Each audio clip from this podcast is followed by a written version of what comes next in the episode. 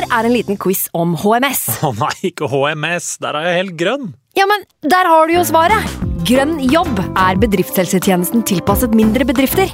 Våre HMS-eksperter hjelper mer enn 8000 bedrifter over hele Norge med alt fra lovpålagte HMS-krav til pålegg fra Arbeidstilsynet. Få på plass bedriftshelsetjeneste på grønnjobb.no.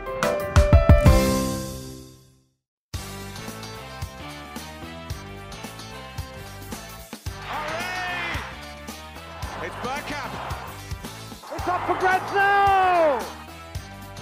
The next station is Arsenal. Hei, og velkommen skal du være til en splitter ny episode med Arsenal Station med Magnus Johansen og meg, Simen Goffeng. Arsenal nærmer seg jo sin tredje sommersignering. Eh, I talende stund, som er eh, torsdag kveld, så har vi fortsatt ikke sett noe offentliggjøring av avtalen. Eh, Men i dagens sending så får vi besøk av lederen i Brightons eh, supporterklubb eh, for å få nærmere analyse av Ben White. Før det deretter blir litt lytterspørsmål, overgangsprat og til slutt en X-spillerspalte, som vanlig. Men aller først, og viktigst, hvordan har du det om dagen, Magnus? Jeg er langt nede nå. Jobben er i gang. Akkurat ferdig med tre ukers ferie, så det Jeg trives på jobb, ja. Altså det, det er ikke det jeg går på, men uh, man kommer så ut av det at uh, Man blir så vant til å hvile middag og Mm. ta en tre-fire pils på kvelden og Jeg sitter og hører på Erik Bye, visesanger, og koser meg i sola. Det er, jeg hører, nå, nå begynner jeg å bli veldig gammel. Jeg hadde bursdag, jeg hadde bursdag i går, eh, jeg hadde bursdag i går, så jeg ble jo 35 år nå. Og det er tydelig at det er, der, der skjedde det noe. Eh, Så nå er det nok camphordrops og mariekjeks og den greia der som gjelder framover, er jeg redd. Så nei, I, fot I fotballspillertermer så er du vel eh, skikkelig på oppløpssida. Eh, Ja, det har jeg er tenkt på en del år nå, liksom. Altså når jeg ser at jeg er eldre enn nesten alle som spiller i Premier League. Når jeg hørte at sånn som han Stekkelenburg, som spilte for Nederland nå, er en tre-fire år eldre enn meg, og han liksom, han var klart eldst i, Mm. i, i EM og sånn kjempegammal, så var det sånn derre Å, faen. Kanskje ikke bli profesjonell fotballspiller likevel, da. Eh, Det er rart det der. Altså, man, man sitter alltid med følelse av at i hvert fall særlig noen av de spillerne som har vært med en stund, de er jo kjempegamle, men så sitter man her allikevel. Jeg er også bikka 30, ikke sant. Og det, det føles rart. Man føler seg så ung fortsatt. Og så er det ja, Ben White, da, som vi skal snakke mye om i dag, han er vel være 23. Ja. ja. Så nei, det er, eh, det er litt trist. Mye som er trist om dagen, egentlig. Men eh, det som ikke er trist, det er at jeg sitter faktisk her hjemme på ski med en flunkende ny Arsenal-drakt. Har du den nye eh, drakta? Og Oi. det skulle jeg jo egentlig ikke gjøre. Jeg vet ikke, altså Du skulle kanskje, noen av lytterne skulle sikkert. Jeg sa jo ganske i, i ganske fete typer eh, for noen episoder siden at eh, så lenge Cronky er i klubben, så skal det faen ikke komme noen ny drakt på den kroppen her. Eh, og det, det står jeg jo på, for så vidt for, men nå viste det seg at uh, min eh, samboer som er eh, meget ålreit, tydeligvis, uh, faktisk hadde kjøpt en Arsenal-drakt med Bukayo. Saka på baksiden. Det Eh, eh, og da er jeg jo ikke sterkere enn som så at den måtte på. Den må jo på. Og du kommer unna med det når det er saka, tenker jeg da. Eh, Ja, og når det er samboer som har gjort det. Da jeg kan jo skjule meg bak det, kan jeg ikke det? Ja, ja. Og jeg, hvis Arsenal bruker 50 millioner pund på en midtstopper, når vi egentlig ikke nødvendigvis det er det mest prekære behovet, så kan vi kanskje tenke at de protestene førte frem, da, så at vi kanskje allikevel kan handle på The Armory i sesongen som kommer, når vi endelig Ja. kan reise over. Ja, for jeg må si at eh, i hvert fall den det er hjemmedrakta som jeg sitter med nå, da, den er eh, faktisk ganske lekker. Eh, man kan jo si mangt om det å skulle ha blått på draktene, men jeg må jo si at det rammer inn eh, på en veldig fin måte, faktisk. Så uten at det skal bli altfor uh, TV 2 livsstil og sånt her, så, så er det faktisk et, et fint klede, altså. Uh, Er, er, like, er den rødfarga like fin som på bildene der? eller? Ja, jeg vil si det. altså. Nå sitter jeg i ganske dårlig lys her nå, da, men uh, kunne kanskje vært et hakk uh, dyp, dypere i tonen. Men uh, igjen, nå høres jeg ut som jeg er stylist på sommerhytta eller noe. Så vi, vi kan bare si at den ser bra ut, kan vi ikke det? Den, den kan du ta i den andre podkasten din, er det ikke det? Har ikke du en sånn uh, Ja, rosa ja. lager-podkast? Uh, Ikke avslør det der nå. Nei, og det må jo sies at den, den rykta tredjedrakta og den blå, eh, med litt sånn eh, ja, hva er det, 94-95-inspirert. De der sikksakk-lynvariantene på den Nike-drakta. De, den også Ja. blir nok ganske fin, altså. Den skal jeg ha, faktisk, hvis Ja. Arsenal handler i sommer. Eh, Jeg tror den blir fin med Tierney. Jeg har uh, Den første drakta jeg kjøpte, uh, eller fikk, eh, må jeg kunne si, uh, var vel i 95. Det var den eh, 95-96-modellen, og da hadde de jo to bortedrakter på rad, to blå, som var med, med det lynet. Mm. Jeg hadde jo den andre versjonen, og den med ti verkan på ryggen, selvfølgelig. Og den, den, den er jeg veldig glad i. Så det blir vel Smith Roe, da, hvis man skal på en måte følge, følge tieren. Eller så blir det kanskje Bergkamp, vi får se. Men eh, den syns, den syns jeg ser helt porno ut, altså. For å bruke et begrep som vi kanskje ikke skulle brukt. Jo, innenfor det. Fotball skal være porno. I hvert fall sånn det pleide å være i gode gamle dager, når Arsenal eh, lekte seg rundt. Men nei, la oss legge draktpraten til side. Vi skal jo først og fremst fokusere på det som jo blir vår tredje signering, da. Eh, Ben White er jo fortsatt ikke eh, offisielt bekrefta, men eh, vi vet jo, det har vært en dårlig skjult hemmelighet lenge, at han blir vår nye stopper. Mye som både kan sies og har blitt sagt om både pris og kvalitet på, på Brighton-stopperen. Men til å få en ordentlig dom, da, forhåpentligvis, så har vi jo fått med ingen ringere enn eh, lederen i, eh, i Brightons norske supporterklubb. Jeg tenker jo at eh, vi egentlig bare skal kjøre i gang med praten med, med han fort som bare det. For, men vi kan bare si at etter det så er vi jo tilbake med litt overgangsprat, litt sånn smått om hvordan preseason har sett ut, før X-spillerspalten da runder av episoden. Så hvis ikke det er noe mer chit-chat du har på lager, så kanskje vi bare skal eh, ture rett over. Vi tar både skitt og chat eh, etter vi har snakka med, med, med Ronny. Og til å snakke om mannen som vil bli tidenes dyreste forsvarsspiller i Arsenal, kunne vi vel knapt fått med noen bedre enn leder i Brightons norske supporterklubb Seagulls Norway. Ronny Aukrust, velkommen. Tusen takk for det. Veldig ålreit at du setter av litt tid til å gi oss Arsenal-supportere en eh, ordentlig analyse da, av, eh, ja, som sagt, mannen som nå brenner eller brekker alle, alle transferrekorder når det kommer til forsvarsspillere i klubben. Eh, Gjør, gjør vi et godt kjøp her for 50 millioner, eller? Jeg tror eh, alle parter virker å være veldig godt fornøyd med avtalen.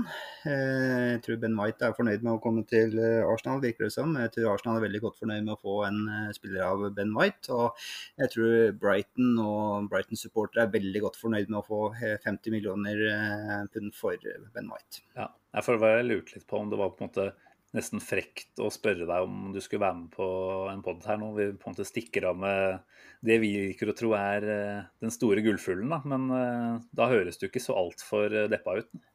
Nei, absolutt ikke. Vi fikk jo en del tilbud på Ben White i fjor sommer, bl.a. fra Leeds, som var veldig på hugget etter en god sesong han hadde der. Da var jo prisen 30 millioner pund. Et år seinere så er det da 50 millioner pund eh, for en spiller som er 23 år og spilte ett år i Premier League. Um, Jeg syns det er en veldig god eh, pris. Eh, og for de 50 millioner pundene så kan vi bruke eh, det på veldig mye annet moro. Og Mm. forsvarsspillere, det klarer vi alltid å skaffe oss. Vi skal snakke mye om eh, Ben White, åpenbart, men aller først må vi bare kunne ta en liten prat om, eh, om deg og forholdet ditt til Brighton. Hvis du har lyst til å bruke to minutter på å liksom si, si noe om hvordan du landa på det som favorittklubb, og, og hvor lenge du har holdt med dem. Ja, det kan vi gjerne gjøre. Det var eh, sommeren 92, hvor jeg var på språkreise i Hastings, som ligger en, eh, liten tur unna Brighton. Eh, mens jeg var på språkreise, så var det også en sånn type fotballskole, og treneren min, han var eller hadde nylig vært da, Brighton-spiller, eh, og jeg fikk litt kontakt med han og begynte å følge med på tekst-TV, som var den tids eh, mulighet for det. Da lå det i eh, daværende tredjedivisjon, altså det som er nivå tre. Eh, De gikk jo opp på mellom nivå tre og fire i de årene der. Eh, Holdt jo på å rykke utafor ligasystemet i 96. Eh, Var vel bare et mål unna det, og da hadde de gått konkurs. Da sto de uten bane og det hele. Ehm, og så, ja. Men det gikk i tekst-TV og bare sånn sporadisk eh, oppdatering. Eh, så var det først egentlig når vi begynte å nærme oss eh, 2011, og at klubben virkelig begynte å satse, eh, at interessen begynte å virkelig komme. Mm. Eh, og da, klart, da, da ble det moro med ny stadion. Eh, en klubb som virkelig satsa. Vi eh, lukta på Premier League i flere sesonger før vi endelig klarte å rykke opp da, for eh, det som var fem sesonger siden. Mm. Ja, og du starta jo også Det er vel du som er grunnlegger av eh, Seagulls eh, Norway? Det stemmer. Det, Den starta jeg når vi rykka opp i Premier League. Da fant jeg at vi kan jo ikke ha en Premier League-klubb uten en offisiell supporterklubb. Så eh, da var det bare å kaste seg rundt. Ikke sant?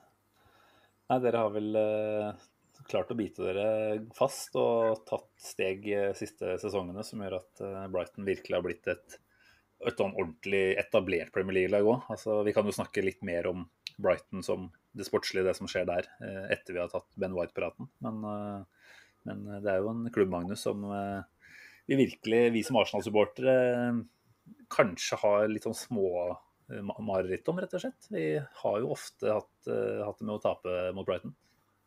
Ja, og i særdeleshet Graham Potter, da, som uh, slo oss når han var i Østersund Ja. på, på Emirates uh, i, i tillegg. Eh, nå slo vi vel Brighton, mener jeg, på Emirates. To her. ganger eh, forrige sesong, ja. Men eh, ja, vi slo dem borte kanskje da. Men eh, Graham Potter han vant vel de to første han, bortekampen på Emirates med henholdsvis Østersund og Brighton. Så det er jo en imponerende greie i seg sjøl. Og eh, vi har jo latt oss imponere eh, veldig over eh, det de har fått til der. eh, og Graham Potter er en mann som, som tar steg for steg som, som manager. Og så er jo litt mindre begeistra for Neil Maupay, men ellers så så er jo Brighton, til tross for at de har vært et horn i siden for oss, eh, en klubb det er måte lett å ha litt sympati med. Da, fordi at de prøver å spille, sjøl om de ligger et stykke ned på Mm. tabellen. Mm. Ja, både sympati og respekt, og til og med litt beundring for hvordan man gjør ting der. Det må jeg si at jeg har begynt å få. Så det er eh, kanskje på, på tide sånn sett at vi plukker opp en spiller derfra. Eh, var jo inne på det, Ronny. Eh, du var ikke veldig trist for å måtte gi slipp på Ben White her. Eh, for denne overgangssummen, da, som det tross alt har vært mye snakk om. Altså, spilleren Ben White er vi vel ganske enige om alle sammen er, er god, men prisen den har jo blitt omdiskutert i det vide og brede og har jo fått mye oppmerksomhet nå. Selvfølgelig da siden Varane går til eh, United for det som i hvert fall i rene overgangspenger ser ut til å være en lavere sum.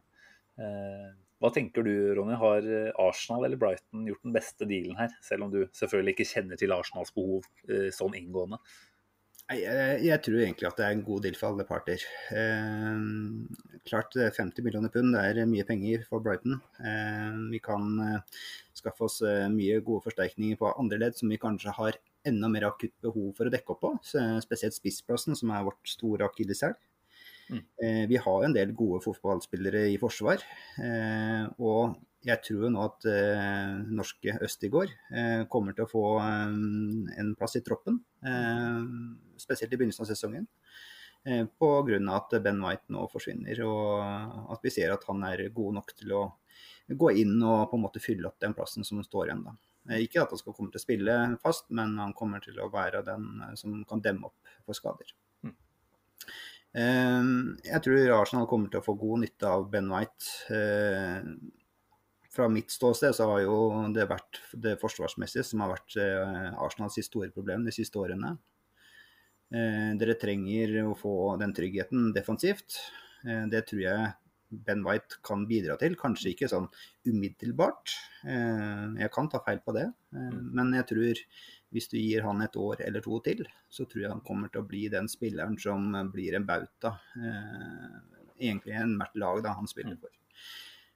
Ja, nei, Det er jo kanskje et nøkkelord, det, det med umiddelbart. da. Jeg må jo si at uh, Når du betaler såpass store summer, så forventer man vel at uh, det er en som er oppe og nikker, bokstavelig talt, fra første stund. Eh, hva tenker du, Magnus? Er det sånn at vi måte kan tillate oss å vente på en spiller som koster såpass? Jeg skjønner jo at ikke prisen skal være det eneste vi vurderer han etter, men, eh, men det er jo ikke noe tvil om at han er tiltenkt en startplass når han kommer på plass. Eh, det er vel eh, sånn at vi må håpe at han eh, blir den bautaen allerede nå, egentlig. Ja, altså han går jo egentlig rett inn og erstatter David Louise, eh, vil jeg tro, da, eh, på høyre sida i Forsvaret, som, som, den ballspilleren han er. Og det er jo det Ariteta ønsker å ha. Men da ser man jo fort òg at eh, det kanskje forventes litt mer enn det uh, uh, Ronny antyder. Også, Gabriel på venstresida, hvis vi antyder at han skal spille der, er jo en ung spiller som har kun ett år bak seg i, Premier League. og jeg vet ikke, Ronny, Hva slags inntrykk har du av Ben White? Og så Er han en sånn potensiell ledertype allerede, eller er det litt vanskelig å si så tidlig om han har, har de egenskapene? Nei, Det syns jeg har gitt seg et ganske tydelig bilde ganske fort. Han er en, helt klart en ledertype. Uh, selv om han er 23 år uh, nå og har kun spilt ett år i Premier League, så spiller han jo veldig rolig og behersket og har veldig godt overblikk for spill. han gjør sjelden forhastede beslutninger eller store feil. Så jeg tror helt klart at han blir en solid ledertype når han får et par år til på, i beina sine. Men han kommer til å spille bra i år også, det er ikke noe tvil om det. Og, men jeg tror ikke dere skal nødvendigvis tro at han erstatter David Louis, som er en erfaren spiller og en, som kan alle reglene. Mm. Sånn umiddelbart. Mm. Men jeg, jeg, trodde kanskje litt det samme i fjor også, når han kom til Brighton. Jeg trodde han kom til å slite litt i begynnelsen der. Eh, men jeg tok jo grådig feil. Han har jo spilt eh, alle unntatt to kamper. Ja. Det ene var jo pga. Sus suspensjon. Så han eh, vokser absolutt med rollen sin eh, veldig fort, virker det til. Det er jo veldig lovende det du sier der, da. Eh, David Louis spilte jo definitivt ikke alle kampene. og noen av skadene var vel nesten vel så mange pga. suspensjoner, Magnus. Men jeg tenker at Ben White kommer til å by på mange av de samme styrkene som David Louis hadde. Det er vel kanskje særlig dette med Altså én ting er jo det defensive, Ronny. Der, der, akkurat for, forrige sesong så var jo faktisk ikke Arsenal halvgærne i, i tall, antall mål innslupne. De var vel laget med tredje færrest innslupne, faktisk. Eh, så det er klart, målet i forbindelse med denne signeringen her er vel rett og slett å i så stor grad som mulig erstatte det David Louise kunne by på offensivt, altså i utspillsfasen, oppspillsfasen. Eh, hvordan ser du på Ben White som en, eh, som en spiller i forhold til det tekniske han har å by på? Det er vel egentlig kanskje der jeg stiller de største spørsmålstegnene eh, hittil. Eh, han spilte jo som sagt uh, eh, 36 kamper for Brighton i fjor. Stort sett hele kamper. Uh, han skåra ikke et mål, hadde ikke en assist. selv om han er en habil hodespiller og vil kunne være farlig på dødballer uh, framover. Mm. han hadde noen pasninger, men stort sett så spiller han eller, virker som han spiller litt mer på de trygge, eh, og ikke de eh, store gjennombruddspasningene. Mm. Eh, men året før, for Leeds, der også spilte han hver eneste kamp, hvert eneste minutt for Bielsa. Eh, der skåra han et mål og hadde to assists, så han kan jo framover. Mm. hvordan er det Brighton eh, på en måte ønsker å spille seg opp og fram? Er det kortpasningsspill ut fra keeper? Og i så fall, hvis det er det, hvordan opplever du at han er i akkurat den, den biten der? Det er helt klart Graham Potters spillestil. Eh, mm. Man starter eh, bak, og man holder ballen i laget. Med brå vendinger plutselig i spillet. Sånn sett. Men han har vært veldig trygg med ballen. Mm. Både som høyreback og som midtstopper og som midtbanespiller. Han behersker alle de tre posisjonene veldig bra. Han spilte faktisk en del midtbane i Brighton også, eh, selv om det er kanskje ikke det man forbinder med Ben White. Mm. Eh, og det han gjorde der, var veldig trygt og godt. Han gjorde sjelden feil med ballen.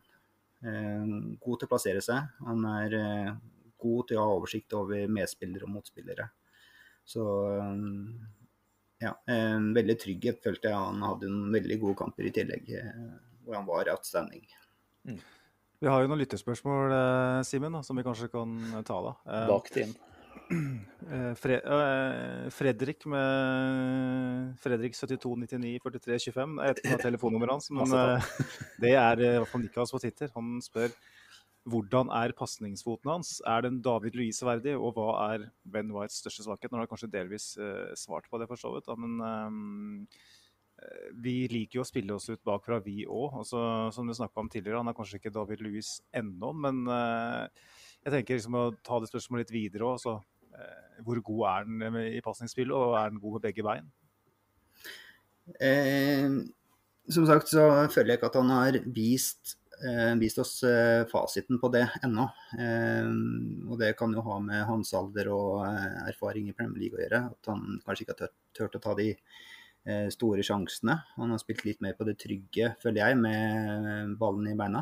Mm. Jeg føler ikke at han har hatt så mye feilpasninger, men jeg føler heller ikke at han har hatt noen sånne store gjennombruddspasninger som du kanskje kan se fra David Louis innimellom. Men det kan fort komme. Eh, det kan ha noe med trygghet å gjøre, det kan ha noe med erfaring å gjøre. Eh, mm. Og ikke minst spillestil. Da. Eh, nå er det kanskje ikke det som Brighton spiller mest på heller. At man skal ta kjappe pasninger fra midtforsvaret til Mopé f.eks. Eh, Vi vil gjerne gjennom midtbanen i større grad. Så mm. jeg, jeg, føler ikke at vi har fått svaret på det. Jeg, og jeg tror kanskje at han, med det han har vist ellers, at han kanskje vil kunne komme dit igjen. Fordi han er en veldig trygg spiller på alle måter. Og eh, når han blir varm i trøya, så tror jeg det også vil komme mm. der. Mm. Jeg, ser har sett en sorry, det på tallet. Nei, det går bra. Jeg skal bare si én eh, ting kjapt her. Eh, Karsten Ølstad stilte jo det samme spørsmålet for seg, bare for å ha nevnt det. Og bare da for å også lede deg litt inn på én potensiell svakhet før du kommer over til dette med tallet, Magnus. Mm høyden hans til å midtstopper å være kan vel sies å være beskjeden. Han er vel 1,80 ca. på uh, sokkelesten. Uh, er det sånn at du ser at han blir tidvis uh, litt si, dominert i luftrommet, eller Ronny, eller hevder han seg fint der? Nei, ja, han gjør absolutt sakene sine bra der også, han. Mm. og det har jo med at han er flink til å posisjonere seg i forkant. Mm. Ehm, så eh, jeg føler ikke at det er noe stor svakhet eh, fra hans side heller. Jeg føler egentlig ikke at Ben White har noen sånne enkeltvise svakheter. Eh, jeg tror kanskje hans største svakhet egentlig er at han er, har ett år i Premier League bare, og at han bare trenger for å spille. Mm. Det er nok det viktigste for han nå, det er for den spilletid. Mm. Her har vi jo den perfekte kroningen av årsaken til at vi har med en gjest da, de som, til de som lytter. Fordi jeg har jo brukt uh, et par timer i, går kveld på å se litt på tallene. Eh, Sammenligna Ben White uh, på en del eh, forskjellige ting med de som er forsvarsspillere i Arsenal per i dag, og en del andre i Premier League som utmerker seg på forskjellig vis. og den som kommer klart svakest ut i hodespillet. På, hvis du skal bare se på tallene, det er jo Ben White. Han vinner bare halvparten cirka, av hodeduellene sine i, i, Premier League som stopper. For, eksempelvis så, så har Rob Holding eh, marginalt bedre. David Lewis klart bedre. Gabriel klart bedre. Um, hvis du ser på f.eks. sånn som Harry Maguire og Ruben Diaz eh, altså Det er urettferdig, men også Eh, hvis vi ønsker at eh, vi tenker at Ben White skal ha en progresjon etter hvert, selvfølgelig. Men det er jo den delen av spillet som tallmessig ser dårligst ut for han. Eh, men det som da ser desto bedre ut, da, det er jo da antall interceptions, som sier England, altså gjenvinning av ball. Der ligger han jo på 1,7 per 90. Det er jo da eh, f.eks. Gabriella er vår beste med 1,1 per 90. Rob Holding, som spiller i den posisjonen nå av 0,8 per 90. Um, er det sånn at, og I Championship, forresten, jeg må også si, når han spilte for Leeds, så var jo tallet betydelig høyere. Er det slik at Ben White er en type som gjerne vinner ballen uh, høyt i banen og gjør noe konstruktivt uh, med den? Eh, både òg. Eh, nå husker jeg ikke tallene i hodet, men rein midtstopper, det er jo ikke det han har spilt mest av eh, denne sesongen. Han har jo spilt en del midtbane, eh, mm. defensivt midtbane. Han har spilt litt på høyrekanten. Eh, og vi har jo hatt en trebekslinje hvor han har eh, ikke nødvendigvis alltid ligget i, i, midten der, men heller kanskje litt på høyresiden. Mm. Men vi har jo også et par andre ringrever når det gjelder hodespill. da. Eh, blant annet Dunko, som dere skjønner. Mm. Så det har litt med type roller å gjøre i laget også. Men jeg føler at han er veldig flink til å takle både høyt, han er flink til å presse høyt. og han er flink til å stoppe hele veien inn til mållinja. Og han har vel hatt en ganske grei redning på streken også på mållinja mot bl.a. Arsenal sist sesong, hvis jeg ikke husker feil. Den har jeg glemt, eh, Simen, men uh, kanskje du husker den. Ellers så er det én statistikk som han utmerker seg helt spesielt på. Da. Og da er kanskje forklaringa allerede gitt, Ronny, uh, med den rolle, rolledefinisjonen som han har hatt. For det er ingen midtstoppere i Premier League, da, med unntak av Luke Ailing, som har spilt mye back for Leeds, som har flere vellykka driblinger eller flere forseringer gjennom ledd per 90 minutter enn Ben White da, den sesongen mm. som gikk. Um, og jeg har en kompis som er Leeds-supporter, og han, han, snakker mye om det der. At han er, han er flink til å ta med seg, altså, ta med seg ballen opp i banen. Da. Det er ikke nødvendigvis slik at han alltid Eh, slår en, den beste pasningen når, når, han kommer høyt i banen, men han er flink til å, å, å uh, forsere leddet og komme seg høyt i banen. Er det, er det sånn du opplever det? Mm, ja. Eh, han har absolutt eh, vært eh, positiv på de sidene der også. Han eh, får med seg ballen. og Eh, ja, han går kanskje ikke på de lengste løpene på høyrekanten, men eh, så han er ikke sånn typisk høyreback som vi ønsker i Brighton. Eh, men eh, han eh, får ballen dit han vil, og spiller gjennom eh, medspillere. Mm. Ja, men det, det, det, er godt å høre at det bekrefter den, den positive statistikken der. Det er jo mm. Litt som vi snakka om innledningsvis og, og før innspilling òg. Statistikk det kan være veldig misvisende til tider. Eh, men det er likevel interessant da, å se på, se på, hva slags typer Arteta ønsker å knytte seg til. Vi henta jo Thomas Partey i fjor sommer, og da snakka jeg og Simen veldig mye om det at vi må få inn en midtbanespiller som kan ta med seg ballen gjennom ledd og skape ubalanse og overtall. Mm. Og det, det, det, virker som det er et mønster der, at Teta ønsker å knytte seg til spillere som er komfortable i, med å gjøre det. Sånn, mm. fordi at hvis du, Jeg regner med at du Ronny, har sett noen Arsenal-kamper i år, og jeg vil tro at du kanskje deler inntrykket vårt med, med, tanke på hvordan vi angriper. At vi gjerne bruker litt for lang tid eh, vi, for å få ballen eh, inn i 16-meteren som motstander. Mm. Litt så samme som eh, Brighton, egentlig.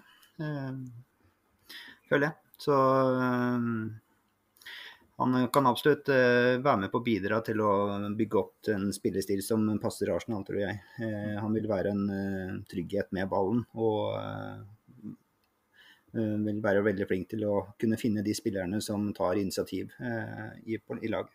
Mm. Det høres lovende ut, det her, altså. Jeg er jo spent, for du nevner jo dette med Trebekslinje, Ronny. og Altså den, den, litt enkle analysen av dette med trebekslinje er vel at man sier at man må spille med tre stoppere fordi de to man eventuelt måtte brukt, ikke er gode nok i sum.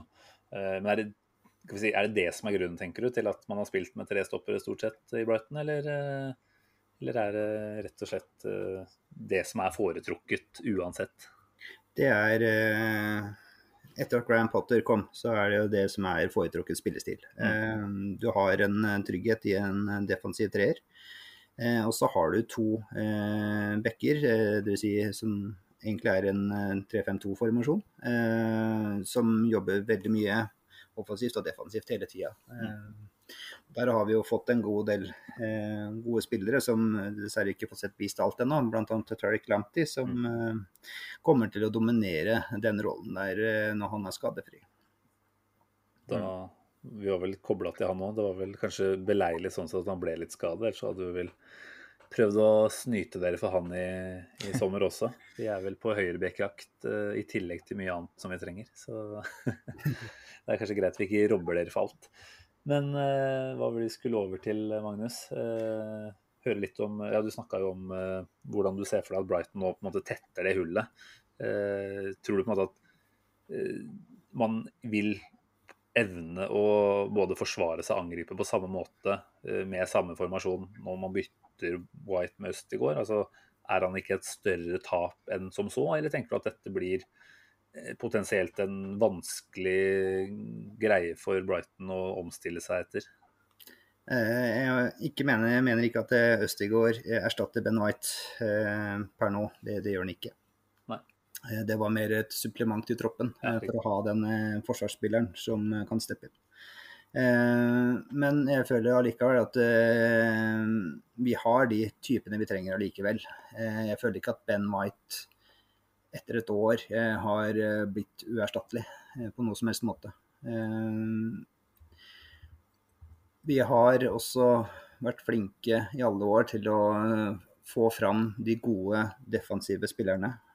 Eh, Vi har alltid en trygghet defensivt. Eh, Vi har mye forsvarsspillere. Eh, Vi har nå i tillegg fått inn en ny midtbanespiller som eh, sannsynligvis vil bekle en rolle som eh, Ben White og Bizuma eh, på en måte har hatt i seg. Den litt defensive arbeidsrollen i midtbaneleddet. Mm. Eh, Nei, jeg, føler ikke at vi eh, frykter noe med at Ben White tok et steg eh, til Arsenal. Eh, Nei. Jeg tror vi kommer til å erstatte det vi har fint, og ikke minst vi kommer til å videreføre den spillestilen vi har eh, videre. Jeg tror Graham Potter tar laget til et nytt, eh, enda et nytt nivå det kommende året. Eh, så gjelder det for oss eh, å klare å skå- skåre på disse sjansene som vi får, da, for det er det som er eh, vår store akilleshæl. Nei, det er klart, det, er- altså Hvis man skal begynne å sammenligne med fra Arsenal sin side da, med stoppere som blir henta for tilsvarende summer, så selv om man skal litt lenger opp på stigen for å finne van Dijk og Maguire og sånt, så er jo det på en måte spillere som virkelig kommer inn og I hvert fall van Dijk, da, som kommer inn og rett og slett bare transformerer det defensive til å være en solid enhet og er på en måte den åpenbare sjefen bak der. Eh, Saul Campbell gikk vel ut og sa for noen dager tilbake her at eh, Ben White er på en måte ikke en eh, master of his position eller noe sånt. da, At han kommer ikke inn og bare er that guy. Er det noe med at her, her får man sånn sett mindre enn det man kanskje betaler for, også fordi han er engelsk. Eh, det er vel ikke noe hemmelighet at det kommer med en ekstra tax når du skal ha engelskmenn, og særlig når de er på landslaget. Eh, tenker du at eh, Hvis du skulle sammenligne han da i typ kvalitet direkte mot eh, van Dijk f.eks., tenker du at han da er en 50 millioners spiller, eller burde han heller da vært mer en 30 millioners eh, spiller? Nei, eh, jeg syns jo 50 millioner er en høy pris. Eh, Jeg føler at vi har fått mye eh, igjen for han, sånn sett. Det var 30 millioner for et år siden. Det er klart, han er en engelskmann. Han har ikke spilt på landslaget ennå. Han var med i engelske troppen til EM grunnet at Alexander Trent Allen ble skada. Så hadde han vært sendt hjem etter oppkjøringen. Mm. Men klart, han er 23 år, han er engelskmann. Han er veldig habil spiller.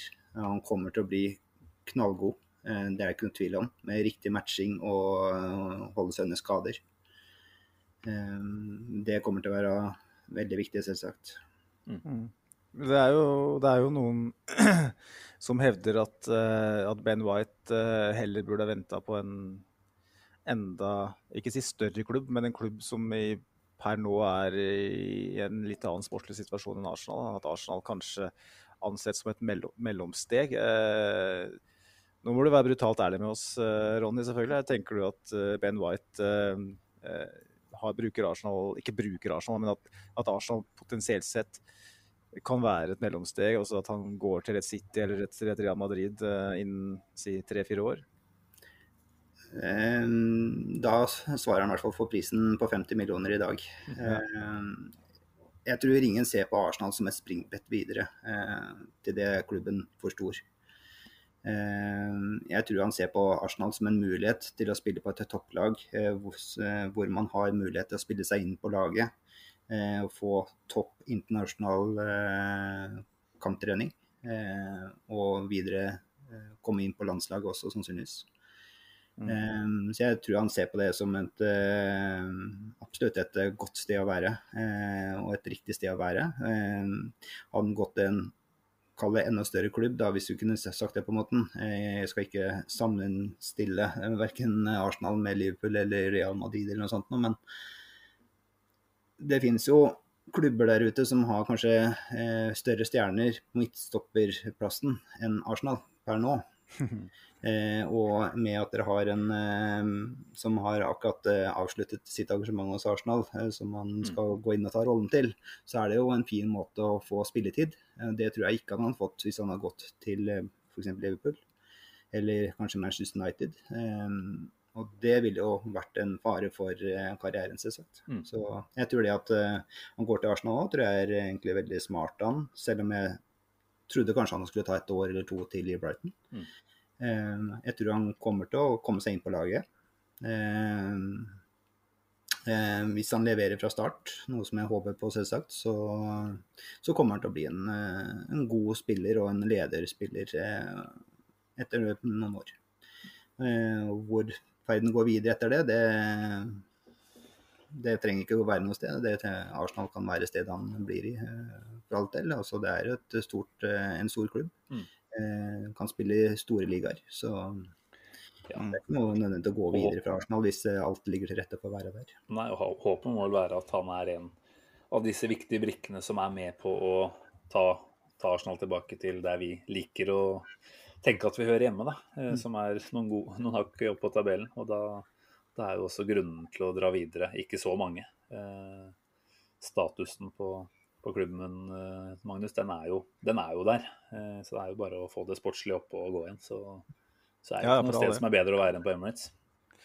Nei, det er vi jo for så vidt enig i. Men eh, samtidig så er det jo en gang sånn at vi ikke spiller eh, verken Champions League eller Europaliga eh, til nå til sesongen som kommer, og vi har ikke spilt Champions League på en del år. Så det, det er jo sånn hvis, hvis du er en up and coming stjerne og du har valg mellom Arsenal og eh, et Manchester United eller Chelsea eller City, så, så, så har jo dem noe mer å tilby enn enn det vi har. og eh, det at vi har klart å knytte oss til Ben White, det, det blir jo av noen sett på som eh, et kupp, og av andre sett på som eh, blodpris og overbetaling, og eh, noe som føyer seg inn i en lang rekke av dårlige dealer, selvfølgelig. Mm. Men nei, det blir spennende å se men, hvordan det går. Men et spørsmål til Ronny angående Ben White. Altså, han spilte 36 kamper i, i fjor for Brighton. Han hadde vel spilte vel omtrent alt som var for Leeds eh, sesongen før, hvor han ble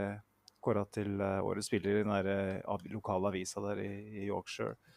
Um, kan de ikke se at det er noe sånn skadehistorikk på, på spilleren? Det er klart, Nå har han ikke spilt mer enn to år på de to øverste nivåene, vi skal si det på den måten. Men eh, det er ikke noe du vet som ikke vi vet angående fysikken hans, som gjør at vi trenger å være bekymra? Nei, jeg ser absolutt ikke noen grunn til å være bekymra for noen ting. Eh, og eh, vi vet jo det at hvis han i tillegg leverer, så er prisen riktig. Eh, men fotball er ferskvare. Eh, Arsenal kan fort være en toppklubb i, eh, i championship, nei, Champions League. Da, takk for besøket. Snakkes. Ja, ting snur fort i fotball, det vet vi jo. Så det at man har en dårlig sesong, betyr ikke at man får en dårlig sesong året etter. Vi kan jo bare se på Aston Villa. Året før så holdt de på å rykke ned, og i år så eh, gjorde de det knallbra. Så det snur fort. Eh, og jeg tror absolutt at eh, at han kommer til å lykkes i Arsenal og, og føre Arsenal et, eh, litt høyere opp på tabellen enn det dere kanskje har opplevd i, i det siste. Men det, Det det, tenker jeg er et fint, eh, fint punkt å avslutte Ben White-praten på, Magnus, hvis ikke du har noe mer å spørre om.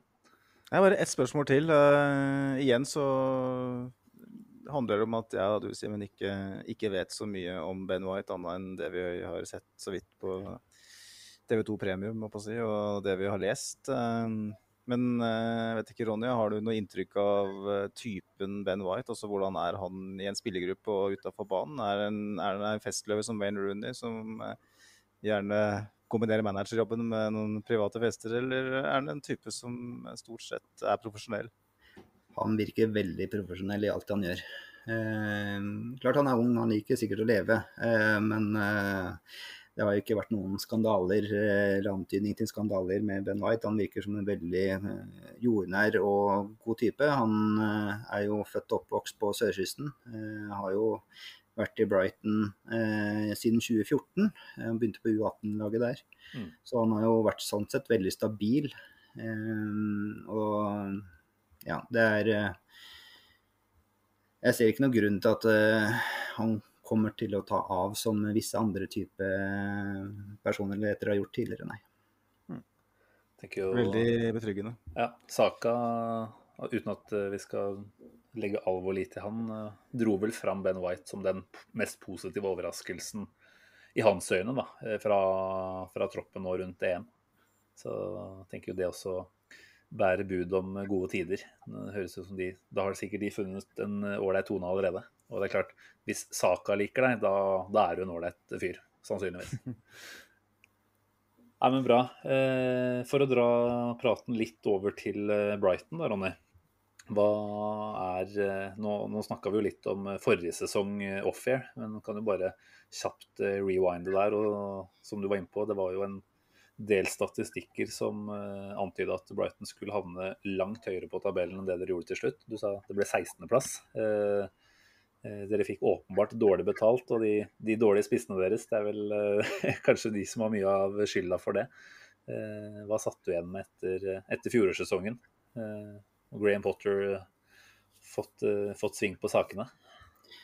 Ja, eh, Graham Potter har virkelig fått sving på sakene i Brighton. Eh, det er det jo liten tvil om. Eh, nå har jo han vært i rollen i to år etter at uh, forrige manager Chris Huton, uh, litt overraskende for kanskje for mange Brighton-supportere, fikk sparken etter to år i Premier League. Eh, Det var jo pga. at uh, ledelsen eh, fant ut at eh, Chris Huton ikke var i stand til å ta laget til neste nivå. Eh, og Derfor ansatte de Graham Potter, som hadde hatt en relativt eh, god historie fra Østersund. Som du var inne på med bl.a. Eh, kamper mot Arsenal. Eh, og han har jo absolutt eh, satt preg på laget sitt og skapa sin egen spillestil, uten at det har vært, eh, i mine øyne, noen eh, store grep i spillertroppen. Eh, det har vært relativt eh, rolig og behersket overgangsmarkeder. Og ja Det er morsomt å se på, men vi har ikke fått veldig godt betalt for det gode spillet. Mm.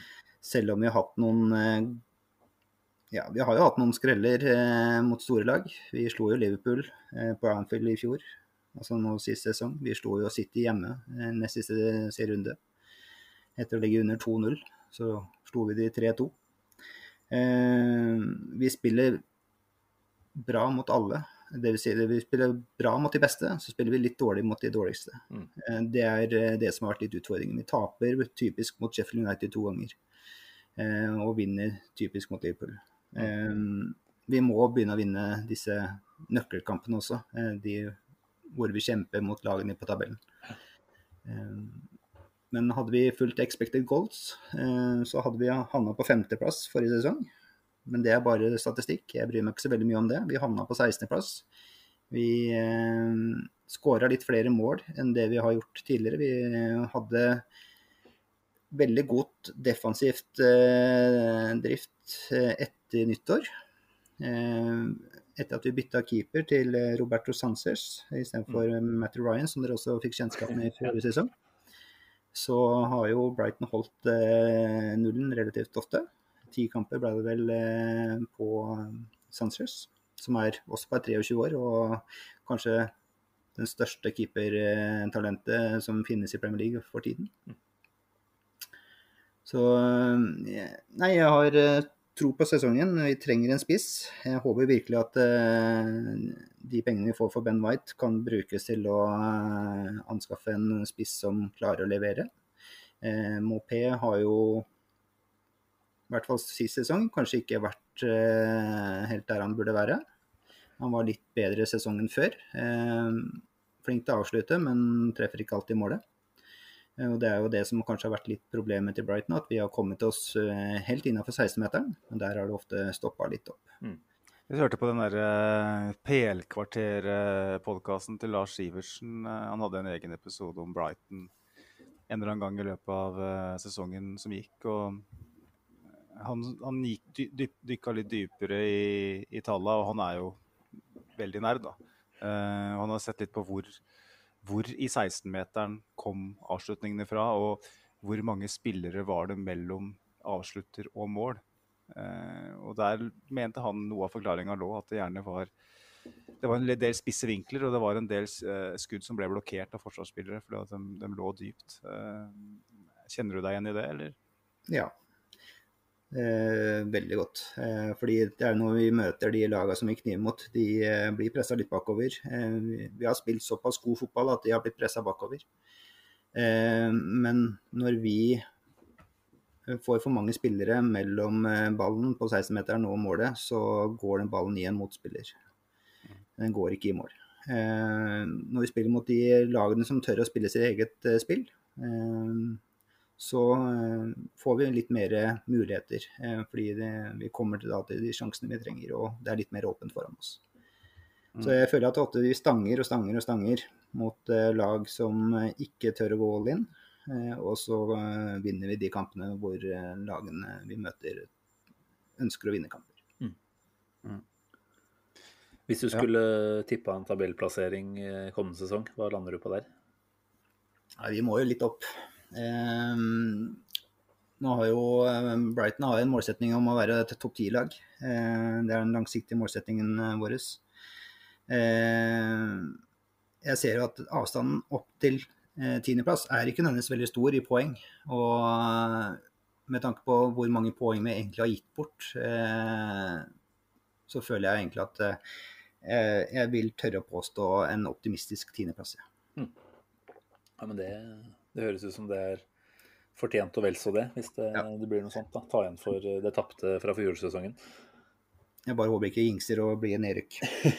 det er jo mange som har brent seg i det der forsøket på å liksom gå fra å være en klubb som konsentrerer seg om å overleve, til å ta det neste steget. Mm. Eh, Stoke-varianten, som det er kjent som. Det fikk vi også høre med Gram Potter, at uh, det fort ville da bli nedrykk istedenfor. Med, Graham, uh, med Chris Huton så var det på en måte garantert å holde deg i Premier League med, på type 15.-17.-plass, mens uh, Gram Potter, så når du da prøver virkelig å gå litt framover, så kunne fort skikkelig jinx og rykke ned, da. Men det har jo heldigvis ikke skjedd i dette tilfellet. Nei. Eh, vi må spole bitte litt tilbake til spillerfokus, Magnus. For det, er jo en annen Brighton-spiller som vi også har vært linka ganske kraftig til, eh, særlig tidligere i sommer. da, eh, Yv Bizuma. Eh, midtbanesjefen. Generalen er mye rart man kan si om han. han I mitt eh, hode så virker han som en eh, som veldig fint kunne kommet inn og gjort en jobb i Arsenal, selv om de ryktene har dødd ut litt over siste tida. Eh, vi snakka litt om han før vi begynte å spille inn her, eh, Ronny. Og du mente kanskje ikke at det er en mann som Arsenal trenger å hente nødvendigvis? Nei, eh, jeg er jo på våre vegne glad for at det ryktet om Bizoma til Arsenal har kjølna litt. Han var jo ekstremt viktig for oss, spesielt nå sist sesong.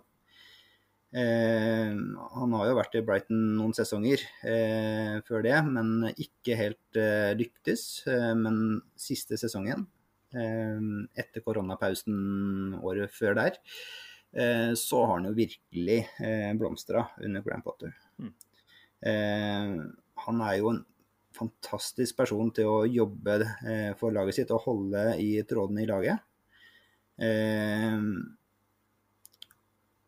det er kanskje ikke så alltid like lett å se hvor god han er for enkelte lag. Eh, men han gjør jo en fantastisk innsats, og han kjemper jo eh, gjennom hele kampen. Får noen, dessverre noen eh, kort innimellom.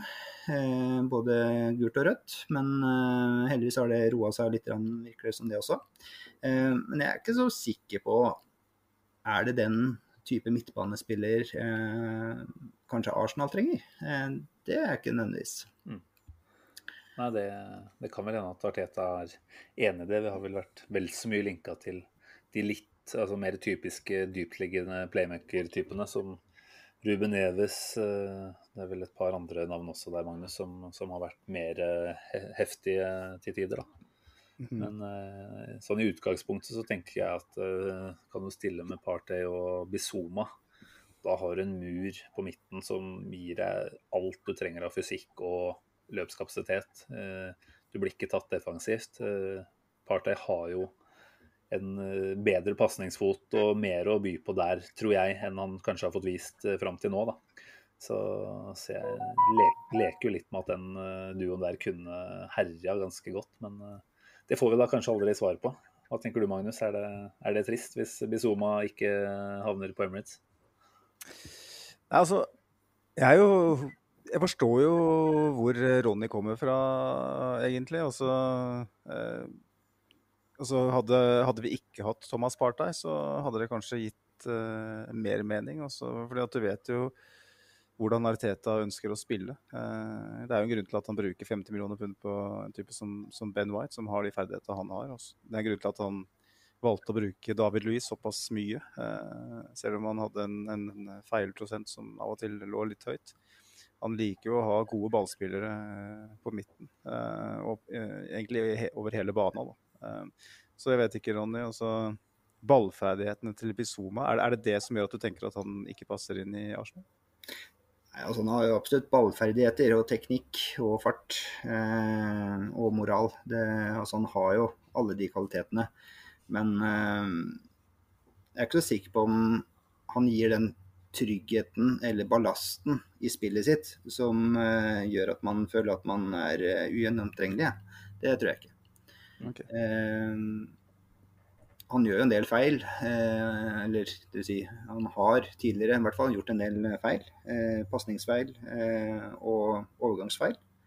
Han har kanskje ikke noe eh, superavslutter eh, eller eh, lignende. Selv om han har noen knallharde skudd innimellom. Men eh, bare noe med at jeg føler kanskje ikke at den at han, han, gir den defensive tryggheten for, eh, for, forsvaret til Larsen. Jeg tror, eh, sånn som jeg har sett det, nå har jeg selvsagt ikke gått så dypt inn i det, men jeg føler at dere trenger den, kall det mer type eh, gallionsfiguren eh, som ligger eh, og på en måte stopper alt. litt sånn type benskammelse var for Rosenborg i sine glansdager. Mm. Ja, finnes han, Simen? ja, det er opp til eh, det der heftige speidernettverket til Arsenal å finne ut, er det ikke det? Ja, det er, mange er det? Tre? jeg tror vi godt kan uh, hente Bizuma og, og, tro at vi kommer et stykke på vei med det, altså. Men uh, det er klart uh, Skal man høre på Ronny her, så, så, kan det høres ut som han kanskje ikke er den som Altså, vi har jo en Elneni allerede som, som gir mye utrygghet bakover når han spiller. Eh, og for den saks skyld Sjaka eh, til tider òg. Eh, han skal vel vekk. Men jeg tenker vel at hvis vi kan bruke godt med penger i sommer, så er det godt mulig at vi kan få noe enda bedre kanskje enn Kamavinga. Nei, ikke Kamavinga, der hørte du hvem jeg egentlig tenkte på. Men enn Bizuma, da. Men akkurat hvem det skulle være, det syns jeg er vanskelig å si per nå. altså. Ja, det kan vi jo ta etterpå når vi tar en uh, liten overgangsoppsummering uh, etter at Ronny har uh, fått lov til å trekke seg tilbake. Um, vet ikke, Simen, Har du noe mer på hjertet du, eller når det gjelder Brighton og Ben White, og, som Ronny kan hjelpe oss med? Nå mener jeg jo at vi har dekka det ganske godt, da. Du, du vil jo veldig gjerne, Ronny, si noe kom, å komme ut med noen mishagsytringer mot Crystal Palace. Jeg tror kanskje vi må spille det opp der, sånn at du får muligheten til det. da. Eh, det er klart Som Arsenal-supporter så, så, har vi vel et lite, et lite Palace i sidesynet nå med Vieira bak spakene der. Men, eh, men som Brighton-supporter så er det jo da Palace som er den ordentlige erkefienden. da. Åssen eh, ser du på en måte for deg at det Eh, ja, hva kaller det der eh, Den eh, rivaliseringen der kommer til å se ut denne sesongen her? Er du bekymra for at Vieira tar, tar innersving på Potter?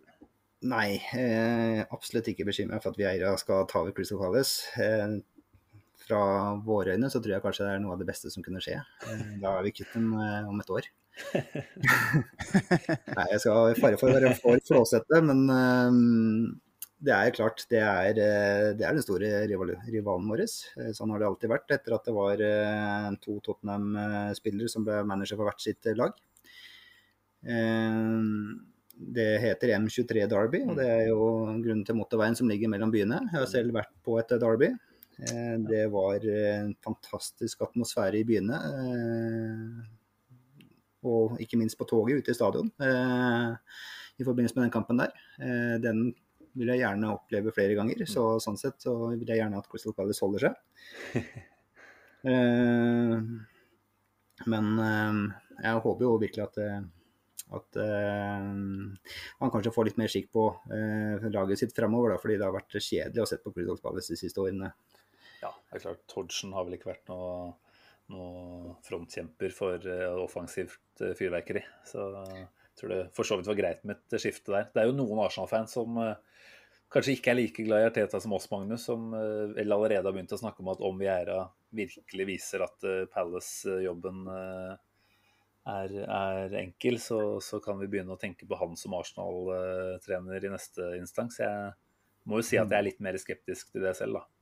Og jeg håper Ja. ikke at det blir sånn, fordi det er jo da åpenbart et tegn på at Arteta ikke har fått det til. Klart det. Og jeg tenker jo at uh, det å hoppe fra Roy Hodgson og videre, det, det er Det blir jo litt sånn som når eh, Brighton bytta ut Chris Huton med Graham Potter. Da. Eh, jeg tror jo personlig, ut ifra det inntrykket jeg har for at Graham Potter er en bedre manager enn Patrick Vieira. Eh, selv om Patrick Vieira er en Arsenal-legende osv. Så, videre, så eh, kan jo det her være en Nå har de henta han Joakim Andersen fra Lyon, som er en spillende stopper, og nå, skal de liksom nå Han skal de veit hvordan man skal rykke spille ned på. fra Premier League, da.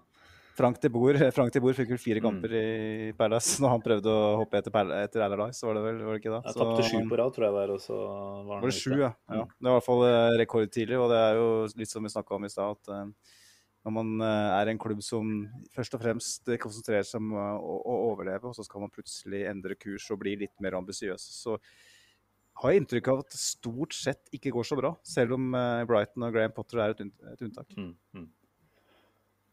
Det er riktig det. Det er mange som har brent seg på den der, og det blir spennende å se hvordan det slår ut for bl.a. Crystal Palace i år.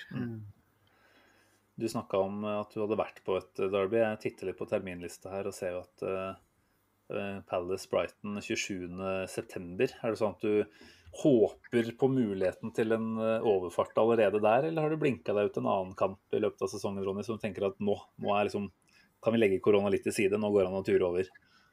Eh, nei, jeg, jeg føler dessverre at korona har vært så destruktiv i sin framferd at jeg har ikke turt å begynne å drømme om ting. Eh, jeg har hatt for mange drømmer som har blitt knust underveis.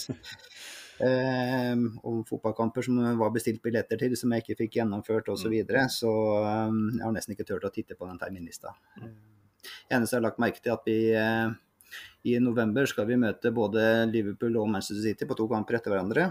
Eh, noe som høres eh, hardt ut eh, på papiret, men når jeg vet at vi tok seks poeng i de to kampene forrige sesong, så tenker jeg at det blir en fin måned. Det. Det blir deilig å endelig få noen poeng etter en litt tøffere periode. Ja. Nei, jeg føler med deg. Vi får håpe at det er muligheter for uh, turing om ikke så lang tid, altså. Det kjenner jo at det kribler i alle kroppsdeler nå. Ja, eh, reisefeberen er stor. Eh, var seinest inne i dag og titta på om, eh, om muligheten for å sesongkort osv. Så, videre, så det er eh, det, Jeg tror kanskje ikke året år er eh, da man skal drømme for mye heller. Eh, det er for mye usikkerhet, og det kommer sikkert flere varianter av det eh, viruset. Så Mm. jeg tenker at eh, vi får være glad for at eh, hver kamp går på TV. Det er ikke vi vant til som er Brighton-supportere. Uh, og så får vi uh, dra over så fort muligheten byr seg, og Norwegian fortsatt uh, lander på Gatwick. Ikke sant. Det er sånne ting man må ta med i beregninga der også. Ja, nei, men uansett, Ronny, tusen hjertelig takk i hvert fall da, for at du tok deg så god tid til å belyse både Ben White og andre sider ved Brightons eh, situasjon. Det har vært veldig interessant å ha deg med. Det var bare veldig hyggelig. Jeg ønsker dere riktig til lykke med sesongen. Jeg ønsker at eh, Ben White eh, har en fantastisk sesong for Arsenal, som bortsett fra to kamper mot Brighton.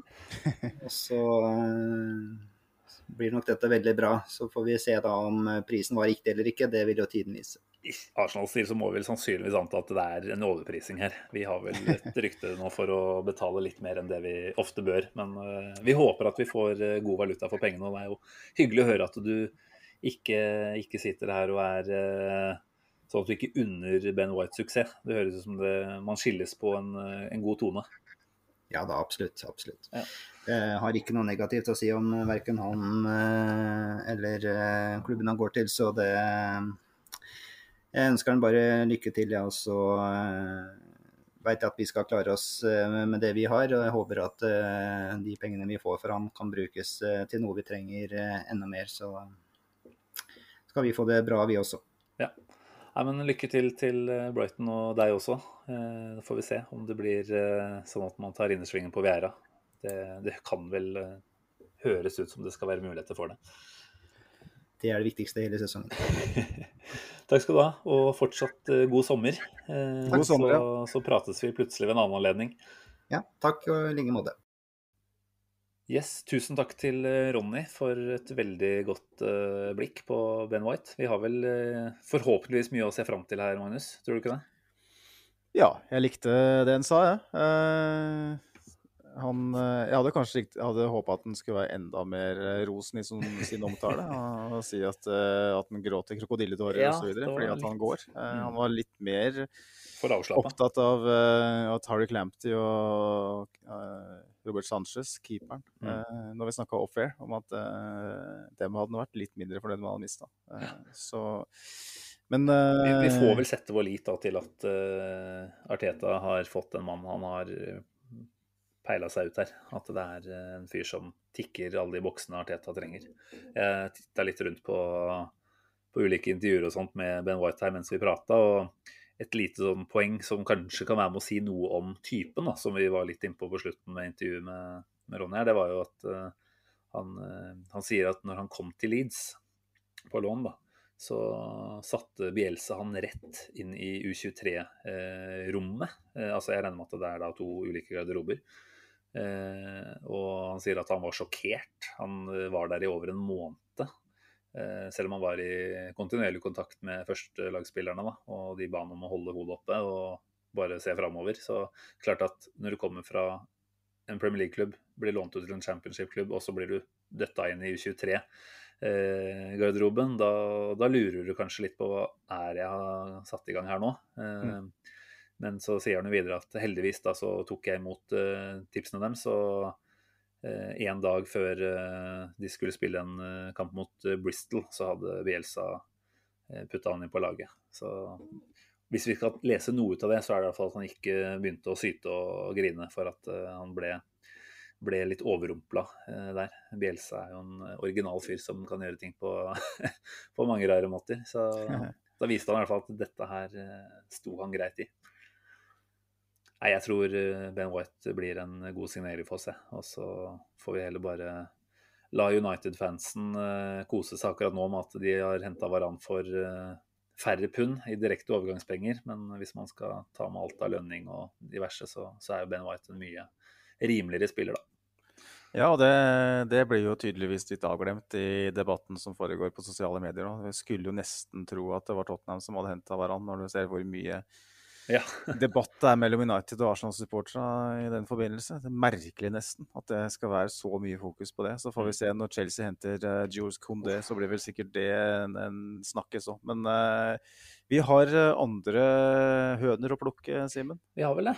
Vi må snakke litt om uh, preseason aller først, kanskje. Det som har skjedd mest nylig, det er jo det har vært to matcher bak lukka dører på London Colony. Først en mot uh, Herregud, der sto det plutselig Millwall. stille, gitt. Millwall, takk. Herregud, for mm. noen forberedelser vi byr på her. Eh, en 4-1-seier der, før de gjentok bedriften med 4-1 mot Watford. Det var vel så sent som i går, altså på onsdag. Har du sett disse kampene, du, eller?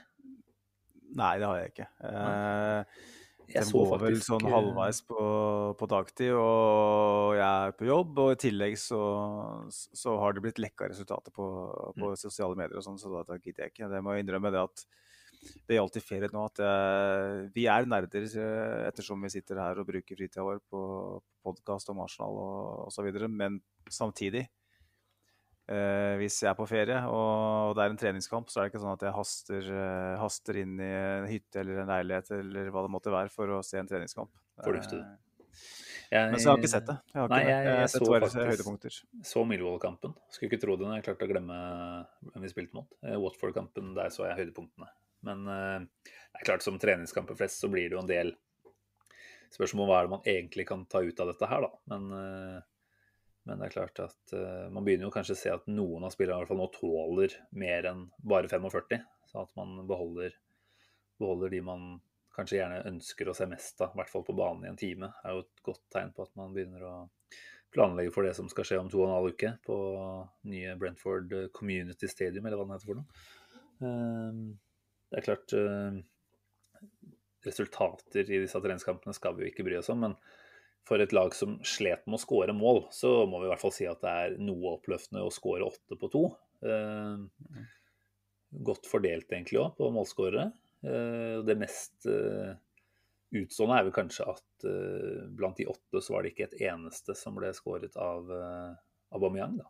Eh, og det er jo kanskje litt bekymringsfullt. Eh, så kan du selvfølgelig snu på det og si at eh, nå skapes det sjanser, og andre scorer på de. Da er det bare tidsspørsmål før Aubameyang også kommer til å score. Og det skal jo også sies at det var vel i forkant av det Chambers-målet mot Millwall, så var det jo Aubameyang som liksom halvveis brassesparka i, i eh, metallet. Det var ikke langt unna at han skårte et kjempemål, ikke sant. Så jeg vet ikke helt hvor mye vi skal legge dette her, som sagt. Men, eh, men er det noe vi på en måte kan si at vi begynner å lære av det vi ser eh, Arteta både stille opp og, og hvem han gir mer spilletid?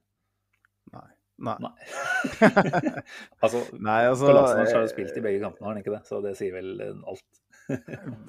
William og Kolasinac eh, osv. Ja, eh, William har vel to målgivende, eh, mener jeg, de to kampene. Eh, Vi kan jo ta med oss det. Men Ja, jeg syns jo det er verdt å nevne, da, altså, uten at vi skal dra den langt nå. Eh, han har vel spilt i de to siste nå mer sentralt, da, i en slags eh, litt sånn mer sentral tierrolle.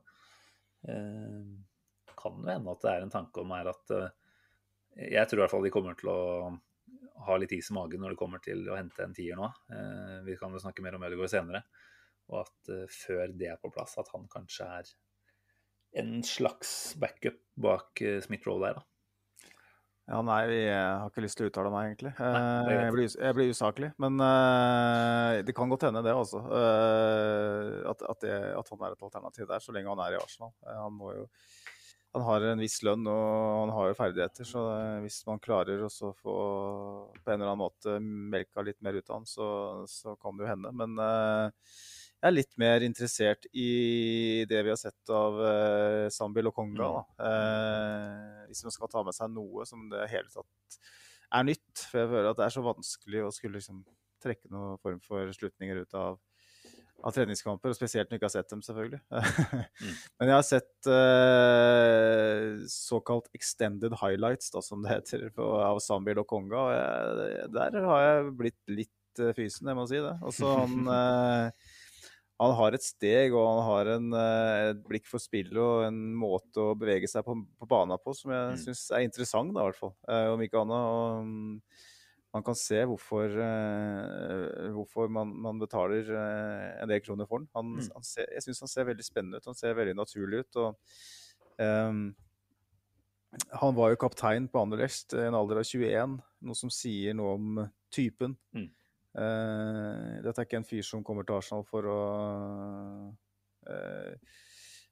bare eh, høste av fruktene som, som en sånn kontrakt vil gi, vil jeg tro i hvert fall. Eh, virker som en veldig oppegående type, ut fra hva jeg har sett av intervjuer og sånn Mm. nå. Så, så langt så er kanskje det takeawayen i, i preseason, det lille vi har sett av, sett av han. Da. Eh, jeg vet ikke hva du tenker, Simen? Nei, jeg syns det har vært andre positive ting òg. Men om Lukonga først, så er jeg enig i mye av det du sier der. Altså. Eh, Jeg husker jeg hørte intervju på Arsblog eh, med en belgisk journalist som vel påpekte at det kanskje var litt for lite fremoverrettede eh, pasninger i, i spillet hans. Eh, der syns jeg han har vært ganske fin, eh, de to Mm. kampene her. Og det er klart, det er treningskamper mot i hvert fall hvert fall ett lag som er på flere hakk under. Og også Watford må vi jo forhåpentligvis si at det er et uh, steg eller to under oss. Uh, og det er ikke noe press på samme måte, men det sier jo kanskje litt om intensjonen, da.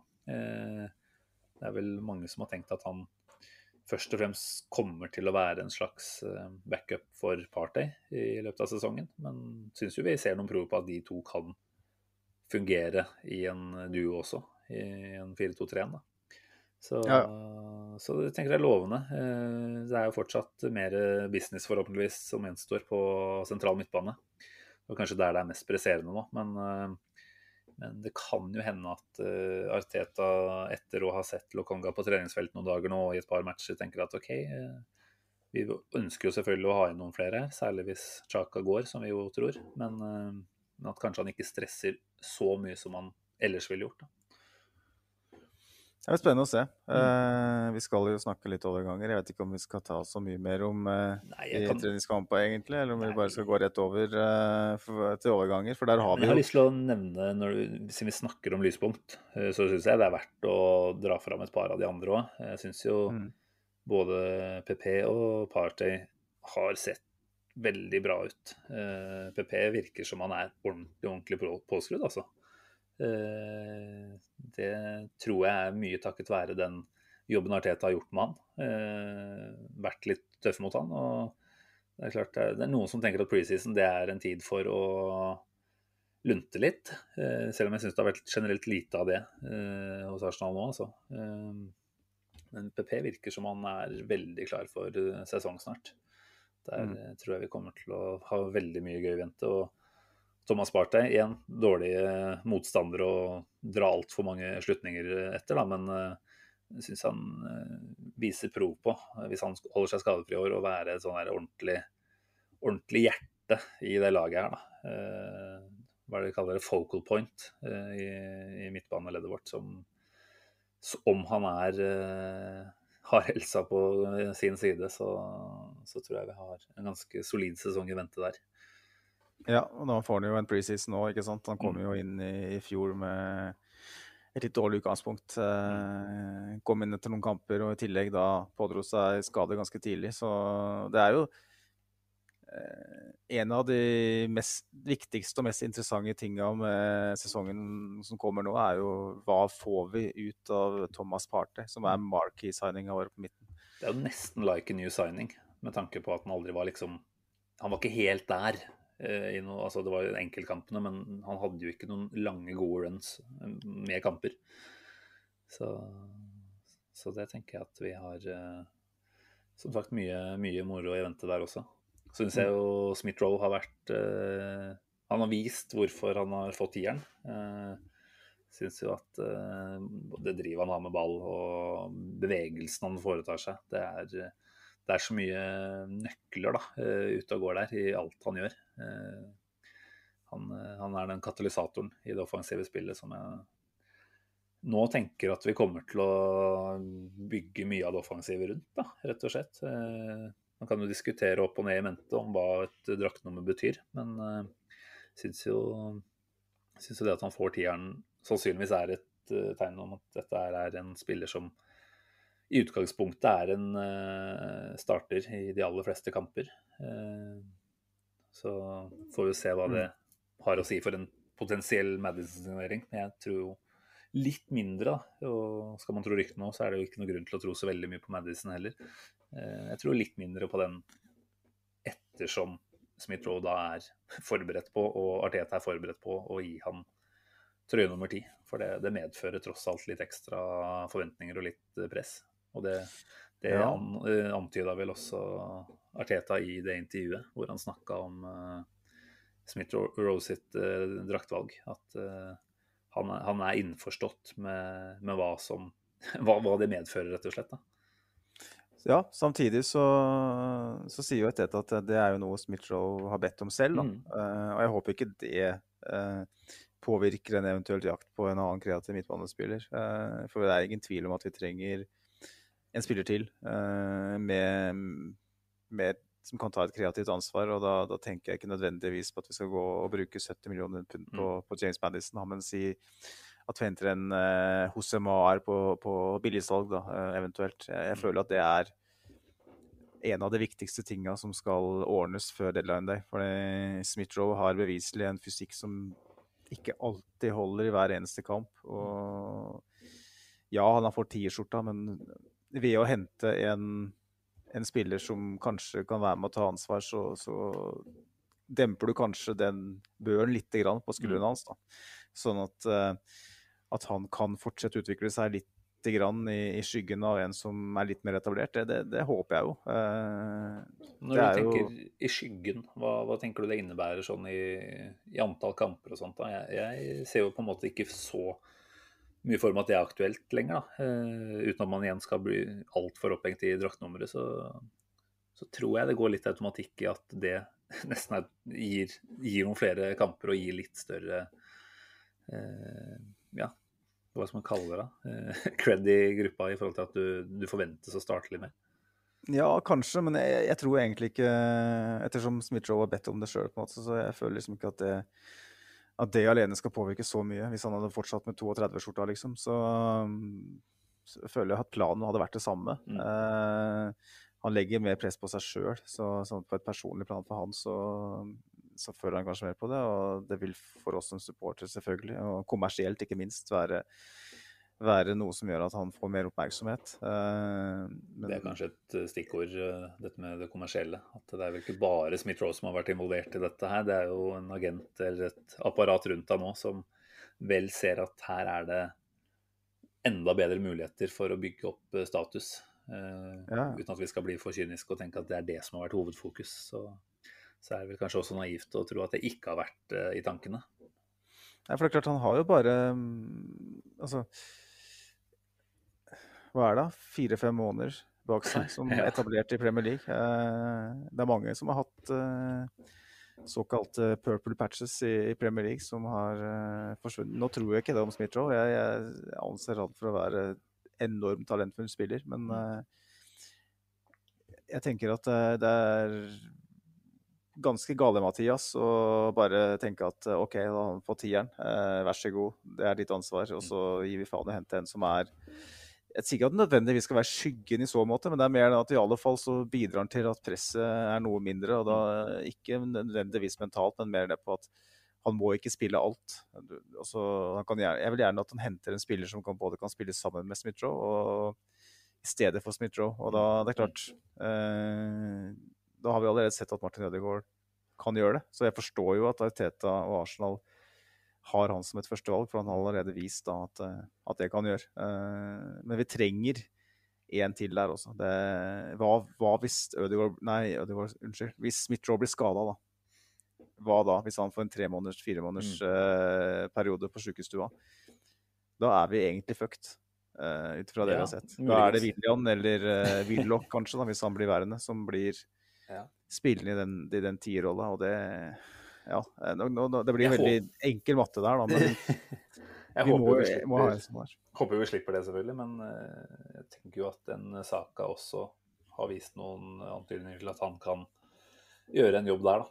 Uh, så talentfull som han er. Men det er vel helst andre steder vi kanskje ønsker å se han, da.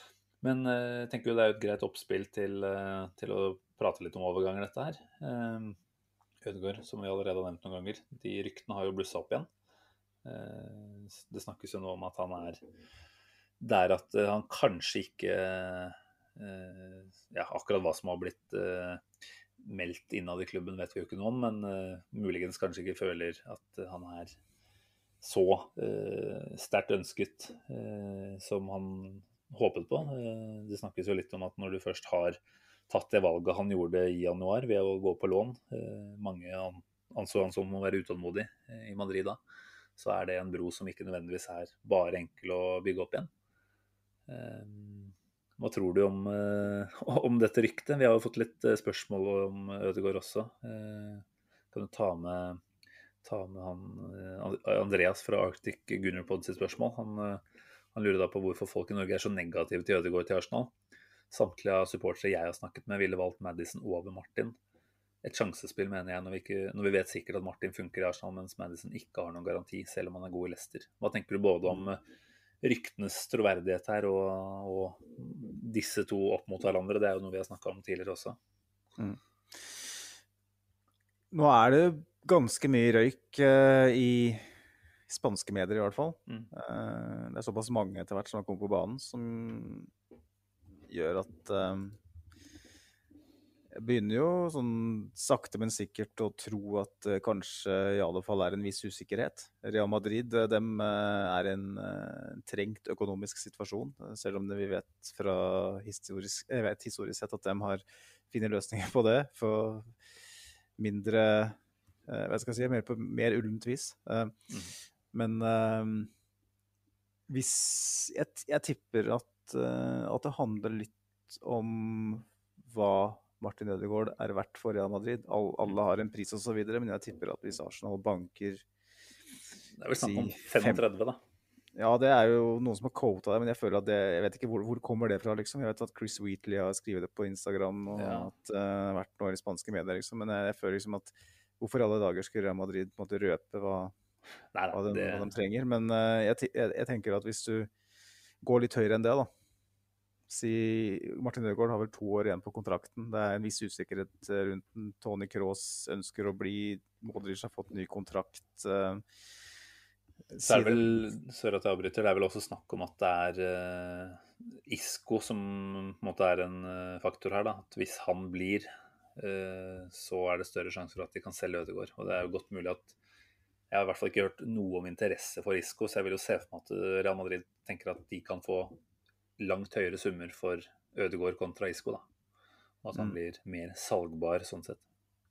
Ja, for det er jo ikke sånn at man, man ser for seg at Ødegaard blir liksom eh, en leder eller en main man for Real Madrid i sesongen som kommer. Ja, det, er et, og det er jo det de spanske mediene skriver òg, at han har fått en eh, beskjed fra Angelotti om at han kommer til å få en rolle og bli brukt, men at det er mer i sånn rotasjonsøyemed. At eh, han må kjempe seg inn på laget. Mens hvis han går til Arsenal, så er han bankers elveren ganske kjapt. Det så vi jo. Mm. Og at det er derfor Rødegård selv da etter sigende skal være usikker eh, på, på, egen fremtid. For da at mm. han trivdes godt i Arsenal, følte seg mer hjemme i Arsenal og blir satsa på der. og mm.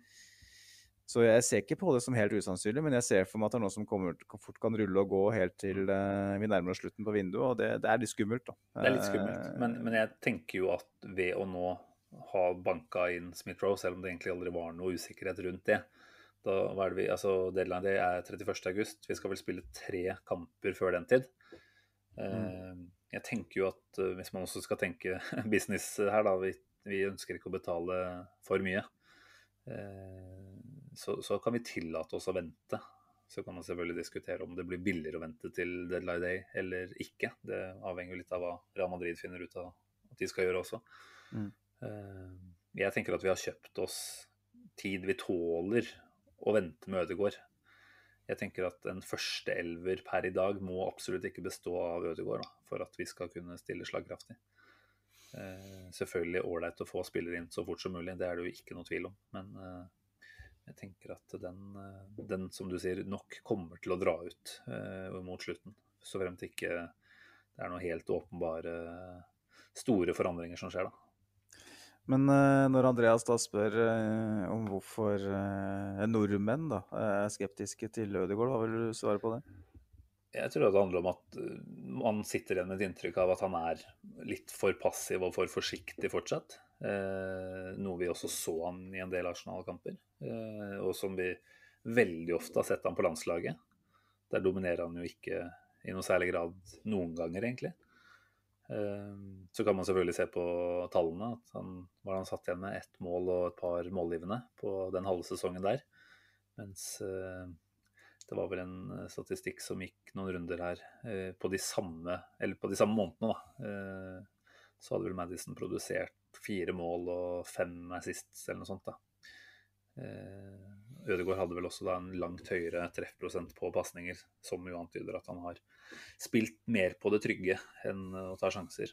Jeg tenker jo han ikke nødvendigvis, eller på noen som helst måte, er en ferdig utvikla vare. da. Så jeg tror at Arteta ved å få litt god arbeidstid med Ødegaard, kan forme han og gjøre han langt bedre òg. For jeg tenker jo at Ødegaard er jo en han er jo en virkelig uh, gjennomgod fotballspiller. Han har så mye fotball i seg. Jeg tenker det, det er en fyr som i mine øyne kan blende veldig bra inn i flere ulike konstellasjoner, gjøre en jobb uh, flere steder på banen. Være en mm. god sånn dynamikkspiller som tillater Smith-Rowe å gå ut på venstre, f.eks. Uh, vi har jo sett prov på at de, de samhandler ganske bra. Så jeg tenker at vi ikke nødvendigvis skal Eh, være av den oppfatning av at Ødegaard kontra Madison er et helt åpenbart dårlig valg. Eh, vi skal ikke tenke for mye på pris, men hvis det også snakkes om ca. halve summen, så, så, er det jo ikke sikkert at Ødegaard eh, på sikt, selv om han kanskje ikke per eh, 1.9 er en like god Premier League-spiller som, eh, som Madison er, så tenker mm. jeg jo, som jeg også sa, da, at vi ved å ha Smith-Roe der kan tillate oss å ikke ha en som skal inn og være det åpenbare førstevalget, som jeg tror Madison må bli hvis vi betaler 70 millioner pund for han, og mm. han er Premier League-proven. Eh, da kan ikke han være på benk i 15 matcher i sesongen og komme inn på slutten. Eh, så det, det, jeg, jeg, tenker at det er mange gode grunner for å, for å gi dette Ødegaard-ryktet litt litt uh, ordentlig tro. Og så, og så, får vi jo bare se. Jeg, jeg, tror den kommer til å dra ut ganske lenge, da. Vi er jo så heldige å ha fått inn uh, en del lyttespørsmål uh, vedrørende overganger òg. Vi rekker ikke gjennom alle i dag, men vi tar med Stian Børling sitt. han skriver vi ser bevegelse inn til Arsenal, men hvilke spillere ser vi først ut? Hvem er viktigst å bli kvitt? Og da tenker jeg salg og ikke lån. Det er et eh, godt spørsmål, Simen. Million dollar, det der, altså. Det, hvem, vi, vi, hvem, er viktigst, Simen, når du tenker på for å få i gang eh, hva skal jeg si, ja, en form for dominoeffekt? Mm. Ikke bare på inngående, men nei, ikke bare på utgående, men på inngående. Mm. Ja, han, han, har jo todelt spørsmål. Det ene er jo hvilke spillere vi ser ut først, uh, og hvem i så fall er viktigst. Uh, det første prøvde vi å svare på sist. Da dro jeg opp Enketia, som den jeg trodde kom til å gå først. Uh, vet ikke om jeg kan holde på en knapp på det fortsatt. Etter den deilige goalen han skåret mot Watford, så kan det vel hende at Arteta bare har snudd helt. men når det kommer til hvem som er viktigst å bli kvitt, da tenker jeg jo at Granit Xhaka er eh, mannen som på en måte per nå gjør at alt annet kanskje står og eh, stamper litt. da. Eh, får vi de pengene vi ønsker for Chaka, eh, som etter sigende skal være 20 millioner, om det er euro eller pund, litt usikker, men eh, Roma har visstnok eh, sagt tydelig fra at de ikke kommer til å betale noe mer enn det de allerede har bydd, eh, om det var rundt 15. Eh, tenker at uh, alt ligger til rette for at han uh, skifter beite. Og jeg har egentlig innstilt meg på at han ikke er Arsenal-spiller, uh, ikke nå egentlig heller. Så jeg tenker at for at vi skal få ut fingeren på en incoming sentral midtbanespiller, så tenker jeg at han må Det formelle og alt må i orden der først, da. Er det, er det noe du syns høres fornuftig ut? Helt enig. Helt enig, Simen, i det. det. Ja, det er jo lettvint, det. Men uh,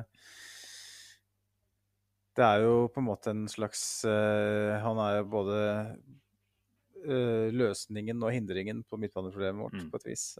hvis han blir, så tipper jeg at, at det ikke kommer inn en, en stor signering på midten. at han blir spillende sammen med Partey. Og hvis den går, så åpner han døra for en annen. Men uh, som vel du var inne på uh, så vidt det var i stad, at uh, han er vel såpass innstilt på å gå Sjaka. han har hatt uttalelser i media som tyder på at han bare venter på at klubba skal bli enig. og etter alt som har skjedd, og den sagaen rundt Sjaka som har foregått nå, i alle fall siden Emery-tida, så er det Det er best for alle parter at han, ja. Eh, at han går nå. Og det er eh, han, han, står litt i veien på en måte for veien videre for oss. Uh, Sjøl om han kanskje på en måte sånn systematisk sett, spillemessig sett, er ja, i alle fall en av de to-tre viktigste spillerne vi har. Mm.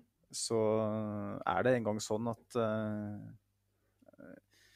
når han er så viktig som han er, så er det å, å, å fjerne eh, skape en ny dynamikk. Og det Mm. tror jeg Arsenal er avhengig av nå. Mm. Og, Ja, det er godt sagt, ja. Mm. Jeg, blir, jeg blir jo veldig overraska hvis han er i Arsenal eh, etter 31.8, det må jeg si. Det kan hende den drøyer såpass lenge fordi Roma tenker at denne her får vi i boks uansett. Det er litt sånn stirrekonkurranse nå. Hvem er det som uh, booker først? Eh, jeg tror jo, hvis alt skulle gått på sverke der, og han blir, at han er en så proff fyr at det også ville fungert. Men jeg tenker det var på ingen måte ideelt da, å ha en som sannsynligvis er ganske mentalt innstilt på å ta et, eh, et nytt steg i karrieren eh, og ha han videre. Og jeg tror, som du sier godt der, at Arsenal også er tjent med å prøve på noe annet enn å være avhengig av Chaka for å spille fotball. Det, det tror jeg. Det blir spennende å se. Eh, andre som eh, Det er kanskje ikke noe som er like, på noen som helst måte like viktig å bli kvitt, men i forhold til å da få penger inn, så må jeg jo si at uh, Nketia, da, som er innpå, eh, som jeg også trodde var ganske høyaktuell for Palace, eh, vil jo gi ålreite penger i kassa, men eh, hvis vi ser for oss at en spissituasjon eh, er Aubameyang, Lacassette blir, om det da blir på en ettårsforlenging eller bare på utgående kontrakt, eh, og Enketia ikke får det eh, tilbudet klubben ønsker, eh, da kan man jo se for at han blir, og at man sender Balogun ut på et lån for å gi han verdifull erfaring. Og så har man de, de tre spissene neste sesong. Da. Men eh, det er så mye som skjer eh, dag for dag her, så vi er vel fortsatt tross alt da, såpass tidlig i vinduet at det er, det er helt umulig å spå hvordan det ser ut til slutt. Ja, det er det. Det er, eh, det er jo eh, samme situasjon med både Maitland Niles og Joe Willoch. Mm. Og liksom spillere som er eh, på sett og vis eh, English premium. spillere som man kanskje etter hvert sier at ikke har noe framtid i Arsenal. det, er, det er klart det er vanskelig å si, man vet jo aldri. Men det, tyder jo, det er en del ting som tyder på det, iallfall under realiteten, Og da forventer man jo, liksom basert på hva andre klubber klarer å få inn for uh, unge engelske spillere, da, at man skal få igjen i alle fall i snitt en mellom 10 og 15 millioner pund for de tre spillere. Mm. At man sitter med iallfall bortimot en halv milliard for de tre. Uh, Ja, så er det mange som mener at Joe Willoch burde koste i hvert fall 30 millioner pund, med tanke på hva han gjorde. Og at Liverpool ville ha fått 100 000 millioner pund for den. Så, så jeg vet ikke. Det er, eh, det, er, det er masse som skjer, og jeg vet ikke vi, om det har noen flere spørsmål, Simen, som vi kan ta med før vi går videre, eller? Jo, det er jo stadig vekk noe. Fredrik Heierstad på Facebook har sendt eh, melding til oss. Han spurte for så vidt litt om Enketa, så har vi egentlig svart på det. Han eh, lurer også på herrenavn, herremannen med navn Lautaro Martinez. Eh, det er jo en vi har sett eh, få litt fart. Eh, Om han har fått fart, er kanskje å dra i litt, men eh, han har i hvert fall blitt nevnt, da. Og vi kan jo sette den litt i sammenheng med at Hector Behrin er eh, ønsket i Inter. Det er jo godt mulig at det er noen journalister som har bare lagt sammen to pluss to der og, og fått fem, og så er det, er det bare tull. Men, eh, og det høres jo i mine øyne ut, eller mine ører til og med, at ut som dette her eh, er en deal vi ikke, ikke kan se for oss å få i havn. Altså, Lautaro Martinez eh, er vel en av de heteste spissene. Har vært ganske heftig kobla til Barcelona før det viste seg at de ikke hadde så mye penger å rutte med. Eh, Mm. Starter vel fort det meste av kamper for Argentina. Vinner Serie A og er klar for Champions League igjen med Inter. Jeg sliter jo med å se den, og han ville jo helt sikkert ikke blitt billig heller. Og da, med tanke på alderen og så, han er vel bare 21 faktisk, så vel at det på en måte ikke er helt riktig, hvis man kan si det, da, alder eh, å hente inn. Eh, Jeg hadde kanskje sett for meg at hvis det skulle komme inn en ny spiss, så var det en som var 4-25, da. Ref. Tammy Abraham, som også har blitt nevnt en del. Ja, eh, men det er klart, eh, Lautaro Martinez, det er jo en type sånn Hva skal jeg si, litt sånn som Øzil tilbake i 2013. At hvis du får mulighet til å signere han, så så er det vanskelig å si nei òg, på en vis. For det, det, er jo en spiller som er interessant for uh, Manchester City og for Barcelona osv., som du mm. nevnte. Uh, sånn etter stigen i hvert fall. En uh, ja, potensielt verdensstjerne. Uh, har ikke sett han så mye, selvfølgelig, men man gjør seg på et inntrykk ut fra det man leser og det man hører. Og um, søramerikaner. Jeg ser for meg at uh, visstnok relativt uh, iherdig presspill og sånn uh, kunne passa godt, godt, inn i, i Arteta-ball i den moderne Premier League. Og det er jo nå engang sånn da, at hvis City skal ha Harry Kane og Jack Reelish, hvis Chelsea driver og sikler på Haaland, hvis United har jo allerede henta Sancho, kanskje, ikke, er kanskje ferdig offensivt sett Liverpool virker ikke å være så veldig aktive. Hvis Premier League på en måte er det go to place, da, det er der penga er, det er der prestisjen er, det er der framtida er. Og Inter trenger penger. Inter uh, måtte selge Hakimi til PSG. Uh, eh, sliter med å beholde de store stjernene sine. Mista Conte fordi at han ikke hadde penger å, å bruke på markedet. Mm. Så er det på en måte et sånt syltynt håp da, om at kanskje uh, er Arsenal Nei, men jeg tror ikke det. Men også, jeg tenker sånn hvis det er en interesse, da, hva er på en måte bakgrunnen for Arsenals interesse? Hvorfor tror de at det helt at det er mulig å hente en sånn spiller? Da må det jo være den vinkelen der, da. At uh, kanskje spilleren vil til Premier League. Og mm. hvem andre er det som er, har penger og som er interessert, da. Sender vi uh, Lacassette i retur da, og så dytter på noen ekstra pundlapper, så har vi kanskje en avtale. Men det gir deg. Vi satt jo i fjor sommer, Simen, og satte én til ti karakterer på sannsynlighet på overganger osv. Så, videre, så jeg, jeg gir den én og en halv. Ja. jeg tror det ikke, men jeg bare prøver å, prøver å forstå hva som på en måte er mm, vinklinga her. her. Mm. Nei, men det er ålreite uh, tanker du gjør deg der, altså. Nei, jeg tror ikke vi skal håpe altfor eh, mye på den. Jeg ser jo at selvfølgelig sedvanlig Arsenal Twitter-stil, så er det mange som allerede har begynt å planlegge for han i, i potensielle startelver og sånt neste sesong. Jeg tror det er bitte lite grann prematurt. eh, andre spørsmål som vi må innom. Det er jo kommet inn flere, som sagt. Beklager at vi ikke får tatt med alt. Men eh, eh Thomas Leirdal kan du bare ta med det. Det gjelder ikke overganger, men han lurer på formasjon. Hvis vi kan si noe kjapt om det. Det er kanskje litt for tidlig som vi ikke har alle brikkene på plass ennå, men han lurer på om Arteta kan legge om til en 4-3-3, eller om han kommer til å fortsette med en 4-2-3 neste sesong. Eh, kanskje vi skal si at vi kommer tilbake til det når, når mer eh, handel er gjort. Eh, om vi kan gjøre oss opp noe mer kvalifisert gjetning da. Ja, jeg tror det. Altså, jeg, nå så, så, er ting så diffust at uh, mm. Hvem er det som Hvilke alternativer har vi på midten? Hvilke offensive midtbanespillere har vi, og hvem kan spille i en eventuelt sånn åtterrolle osv. Jeg syns det, eh, det, er veldig veldig vanskelig å, å svare på. Her nå så vil jeg nok si at uh, hvis, hvis, det ikke skjer noe mer enn det som har skjedd uh, allerede nå, så er det nok 4-2-3-1 som er mm. the go to. Uh, vi har jo, Det er et nytt rykte som har uh, dukka opp i dag. Uh, for så vidt en spiller vi har vært linka til for et år eller to tilbake. Bruno Gimaresh på Lyon. Det er jo mm. kanskje Aouar, lagkameraten, vi har uh, tenkt mest på når vi snakker om Lyon. Men uh, det er jo en sentral midtbanespiller som vel kan minne litt om Chaka. har gjort deg noen formening om han? Eller jeg ser jo at det bl.a.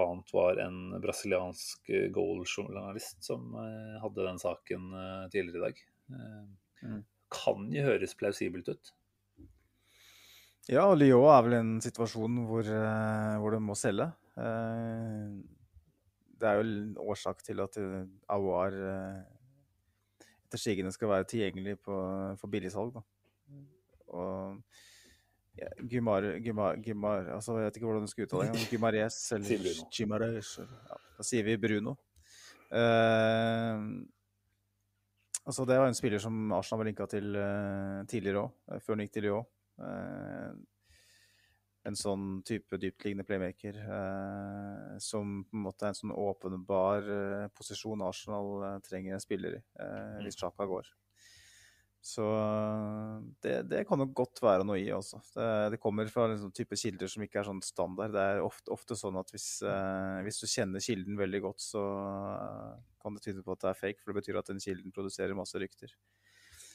Den kilden der, den Den er, har vi nesten aldri sett før. Jeg ser, ser at den har en viss kredibilitet i Frankrike, så det kan jo godt hende. Men ja, det blir spennende å se. Jeg har ikke så mye kunnskap om spilleren, egentlig, annet enn det jeg har lest. Så jeg har ikke lyst til å uttale meg sånn kvalifisert om hva han kan bidra med, og hvorvidt han har tempo som Sjaka mangler osv. Jeg vet ikke om du har sett noen, Simen? Jeg tror jeg får uh, hanke inn Paul Thomas Clay igjen på besøk her. For å få en ordentlig kvalifisert uh, analyse. Det, vi driver vel ikke med kvalifiserte analyser her, gjør vi det egentlig? Det er bare chit-chat ja. og, og pjatt. Kvalifisert ra ranting. ja, der er du god, så det, det gleder jeg meg til at dukker opp igjen sånn i midten av august, sannsynligvis. Trenger ikke å vente lenge der. det er grunn til at du ikke ser treningskamper. ja, ikke sant. Nei, er det andre avtaler som vi må Eller rykter som vi burde snakke om? Jeg tenker jo Dette Ramsdale-ryktet har jo vært der nå i lang tid. Vi trenger ikke å bruke mye tid på det. Um, Nei.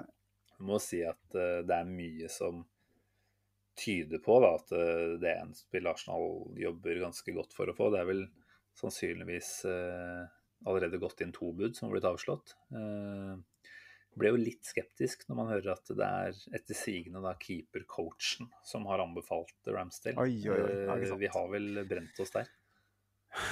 Ja, hvis ikke den Runarsson eh, Hva skal jeg si, ja? Eh, situasjonen har eh, gitt såpass mye smekk på pung at, eh, at man ikke har lært, så, så vet ikke jeg, altså. Men for å være litt mer alvorlig, så eh, hørte jeg et intervju, det var vel Lars-blogg, det var det ikke det, på Arscasten, som hadde en uh, Sheffield United-journalist uh, inne. Uh, og han mente jo at Ramsdale var så god de siste tre-fire månedene av Premier League-sesongen, når mm. Sheffield United allerede var ferdig, da. At det gikk litt under radaren, da, rett og slett. at han fordi at, at, han var såpass svak i sesonginnledningen. Eh, og eh, nærmest ble litt eh, gjort til en klovn hos mange. Mm. Så la ikke folk merke til når han faktisk var god. Så man lurer litt på da, hva Arsenal har sett der, og hva, hva, vi ikke har sett. han er vel bare 23 eller noe sånt, han er keeper og han er tatt ut den engelske landslagstroppen. Så det kan jo hende at det bor noe i fyren. Han har jo på ingen måte fått vist hva slags ballferdigheter han har eh, i Sheffield United, i hvert fall. I Bournemouth så var det vel litt mer uh, spillende type spillestil, så jeg kan ikke si at jeg husker så veldig mye av det, eller la merke til det. Men uh, det kan hende at det bor noe i Ramsdale som ikke vi ser. Og vi skal på en måte være åpne for at vi som sofasupportere ikke vet alt. men det virker virker jo sånn uh, fra utsiden ganske vanvittig at vi skal uh, bruke mer enn 25 millioner pund på, på Aaron Ramsdale. Det må jeg bare si. Ja, og igjen så kommer vi tilbake til at har vi ekstreme summer å bruke, uh, noe jeg fortsatt ikke tror, så er det en mulighet der, da. Altså kan vi bruke 50 millioner på Ben White, så kan det jo fint hende at vi kan bruke halvparten på nye keepere, som de ser for seg at kan bli en Leno arvtaker i løpet av et par sesonger. Mm. Eh, nei, men eh, greit. Eh, andre overgangsrykter eh, slash eh, spillere ut som vi burde ta her nå. Nå begynner jo klokka å dra seg mot eh, sene timer, så det er kanskje ålreit å sette en strek der. Ja, jeg tenker det. Altså, det er fortsatt noen uker igjen av det overgangsvinduet her, og vi kommer sikkert til å ha litt hyppigere innspillinger nå som ferien er over, Simen. Og vi nærmer oss sesongstart, så da har vi god tid til å dekke det. Eh, og skulle det skje noe, så, så kan det hende at vi kjører på med en, eh, en, en, spesial. en spontan eller spesialgreie. Jeg føler jo at denne episoden her kanskje er det òg. Eh, litt spesiell, det er den. Det er jo Ben White spesial der, eh, ja. egentlig. Så har vi klart å snakke litt for lenge om alle andre ting òg, som vanlig. Yep. Apropos andre ting, det var bare en liten ting jeg følte jeg måtte høre med deg om. Um, Gabriel, altså stopperen vår, han var jo med på Brasil, Brasils OL-lag, eh, men måtte jo trekke seg like før start der pga. kneskade. Jeg så litt tilbake og ser at det ble vel offisielt 6. eller 7. juli. Eh, jeg har ikke hørt noe mer enn at han, han skrev på Twitter at det var 'nothing serious'. Eh, tre uker fra, fra 7. juli, det er jo ca. straks. Eh, Mm. Hvis han da faktisk er tilbake på treningsfeltet etter tre uker ferie, som vel er standard eh, at de har, kan vi, og den kneskaden ikke er eh, alvorlig, da kan vi bare se for oss at han er med i eh, seriepremieren allerede, eller? For jeg har jo egentlig budsjettert Ja. med at Pablo Mari og kanskje også Rob Holding er stoppepar der. Men uh, begynte liksom å leke med tanke på at vi faktisk har Gabriel tilbake, da.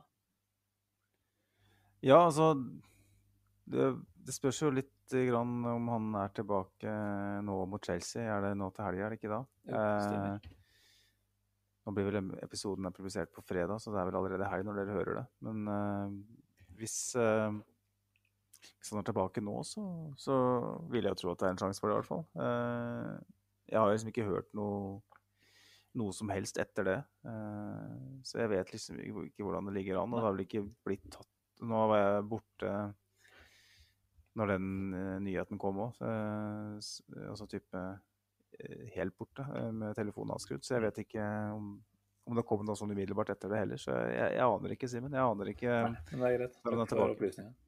Vær så god. Det var sikkert opplysende for folk. Greit. Da får vi vente i spenning og se. Ok, da, da får vi vel begynne å dra oss mot høydepunktet her. Eh, X-spillerspalten. Før vi, før vi sier takk og farvel, så, så må vi jo dit, som vi pleier. Spent på hvem du har eh, lina opp i dag. Ja, i dag så, så er det en liten annen vri på den. Um, En vri, til og med. Ok. en vri. Eh, det er um, Trenger ikke avsløre noe mer enn det, for så vidt, men dere kommer til å skjønne tidlig hva den vrien er. Da avslørte du tidlig. Nei, vi får se, vi får se. vi får se. Nei, men, eh, men bare start, du. Så, så setter jeg meg tilbake og koser meg i godstolen. Yes. David Louise og jeg, vi er ikke kamerater. Tidenes mest overvurderte forsvarsspiller var den bombastiske, hardtslående dommen på Twitter fra undertegnede da Chelsea øste ut 35 millioner euro for å hente ham tilbake fra PSG. Tenk for en ellevill dumskap. Klovnen var ute av mane- manesjen, og dere fikk i tillegg mer enn klekkelig betalt. Og så velger dere altså å polere den røde nesen og hente frem de altfor store skoene igjen. Hvem kjøper Melvin Tix to ganger? Vel, Romans rubelbinge er så enorm at man kan ta svømmeknappen uten vendinger, så det var kanskje ikke så mange som sperra opp øynene i Kensington. Derimot var det mange i Nord-London som satte puddingen i halsen, samt fikk en anselig mengde Stella Artois gjennom neseborene da Sideshow Bob plutselig pryda Arsenals hjemmeside på Deadline Day sensommeren 2019. Better call Raoul and give him a skyllebøtte. Mens Laurent Koscielny åpenlyst streika seg hjem til Frankrike, måtte Arsenal ha på plass en rutinert skikkelse i backfireren. En som kunne lede linja, og ideelt sett gå foran som et godt eksempel. Valget falt på mannen som etter sigende sto fremst på dekk da maktesløse Chelsea-managere én etter én ble tvunget ut på planken av ei opprørsk spillergruppe. Mannen som tidvis hadde et narkoleptisk tilnærming til sin primæroppgave, nemlig forsvarsspill. Mannen som ikke passa helt inn i noen posisjon. En freestyle-spiller som passa best på løkka. Dette var lederen, med hermetegn, Kia Urapshian og Raoul mente var løsningen. Med unntak av fremragende evner som ballfordeler fra dypet samt et par utsøkte frisparkmål, var det lite som appellerte. Spørsmålet ble stilt ved ledelsens intensjoner og Kias stadige innblanding. Men David Louis var Arsenal-spiller, og ble behørig tiljubla i sine første kamper. Nei, David Louis og jeg var ikke kamerater. David Louis fortsatte sjenerøst med å dele ut straffespark, mens han også vandra ensomt inn i dusjen ved et par anledninger. Una Emery var åpenbart feil mann til å inspirere den gåtefulle brasilianeren. Det skjedde imidlertid noe da den spanske europaligaeksperten fikk reisepass senhøsten i Louis' første sesong. Inn kom Mikkel Arteta, og smilet var tilbake hos lagets forsvarssjef, med hermetegn. Plutselig gløda han. Plutselig så han ut som en kvart milliard. Artetas krystallklare budskap gikk rett hjem, og vi fikk se en David Louis som i større grad spilte på sine styrker. Han ble stadig viktigere i frispillingsfasen. David Louis og jeg var på talefot. Under Artetas ledelse gjorde Arsenal store spillemessige fremskritt sommeren 2020. Foran tomme tribuner sikra klubben sitt 14. FA Cup-trofé, og den polariserende krølltoppen spilte en viktig rolle både på finaledagen og i utslagsrundene i forkant. Noen uker tidligere hadde han blitt belønna med en ny ettårskontrakt. Arteta-ball trengte en god ballspiller i backrekka, og Louise var som støpt i managerens ånd. Selv om sesongen som fulgte ble en gedigen skuffelse for klubben, sementerte Louise sin plass i lagets stamme. Sammen med Granit Xhaka ble han nærmest uunnværlig i frispillingsfasen, og laget ble merkbart dårligere offensivt da den tidligere Chelsea-spilleren var ute med skade. Dessverre mista han begge semifinalekampene mot Villarreal i Europaligaen med nettopp skadetrøbbel, og Arsenal ville nok hatt en bedre sjanse med ham i elveren. Likevel føltes det riktig da han i våres tok med seg sine ordinære store sko og vinka farvel til N5. Tross åpenbare styrker som ballspiller var ikke en 34 år gammel stopper med defensive mangler en fremtidens mann. Trolig kunne klubbledelsen også gjort et bedre valg sensommeren 2019, men det er vann under brua. David Louis bidro med mye mer, både på og utafor banen, enn denne skeptikeren kunne forutse. David Louis og jeg, vi er kamerater. I alle fall litt. Kamerater, faktisk. Det... Tenk på å være vennen din, Magnus. Da skal David Lewis føle seg heldig. Rett og slett. Det er vel den ferskeste X-spilleren vi har vært borti her. Ja, det er nok det. Eh, jeg hadde jo Øzil før den eh, dro. Eh, men han var jo ikke moden ennå. Men bare for å si det, den der kameratgreia, det er en sånn HamKam-referanse. For de som ikke tok den. Ah, jeg tok den ikke. Uh, så det er sikkert ikke så mange som tok den. Men uh, det er jo en sånn kameratinitiativ uh, som HamKam har tatt. jeg er jo fra området hvor HamKam er fra. Så, hvor han Anders Bosmo ja. står, i, står i, ledtog for det. Så det ligger en sånn video for det på, på nettet. så hvis dere på en måte lurer på hva som var årsaken til rammen på det, så går det an å sjekke ut det. Jeg hadde tenkt at du har et norsk lag, men du har kanskje HamKam som eh, favoritt? da, selvfølgelig? Nei, altså Jeg følger med, med, kanskje mer med på HamKam enn andre, men uh, ettersom jeg bor bare 25 minutter fra Briskeby. Men uh, jeg har ikke noe sånn spesielt uh, supporterfølelse for, for HamKam. Kanskje et riktig neste steg for David Louise? Det hadde vært gøy, det. Du har vært eh, kamerat på fritida òg? Jeg må si at eh, og kanskje særlig typen David Louise nå, som jeg er lei meg for å ha mista, med tanke på den betydningen han har hatt for mange av, eh, eller de aller fleste, virker det som, i, i troppen. Han virker mm. som ordentlig, en ordentlig sentral skikkelse i garderoben. Så det, det er nok godt mulig at han blir savna. Men uh, på banen så var det litt for mye klovn, dessverre. Og det tenker jeg at vi har godt av å komme, komme oss videre fra. Så, ja, sånn sett så er det ikke det store savnet totalt, da. Nei, det, det, er ikke det. Og det er jo på en måte Men en fin hyllest, en fin avskjed til uh, kamerat David. vi... Comrade David. Comrade. Men uh, solid. Da tenker jeg vi må runde av der. Da nærma vi vel oss to timer i dag også, gitt. Det er helt nei, nei, ufattelig nei, at vi klarte det. Men uh, takk til uh, Ronny som bidro til halvparten av det. Det ble en opplysende, fin prat om Ben White tidligere her. Og så har det blitt så der på det som har blitt servert i etterkant. Men det er nå det man får ved å lytte på den podkasten her. Uansett, da. Takk for en ålreit prat. Og så får vi se når vi er tilbake. Nå er det Chelsea på søndag. Vi får vel ta sikte på å spille inn en episode til uh, i dagene etter der. Uh, så får vi se akkurat hvilken det blir. Det er litt sånn i oppstarten uh, på jobb og sånt etter ferie, så vi får ha, ha, prioriteten vår der vi faktisk tjener noe penger. Ja, det er noe med det. Jesp. Nei, men eh, hyggelig, hyggelig lag eh, som alltid, Magnus.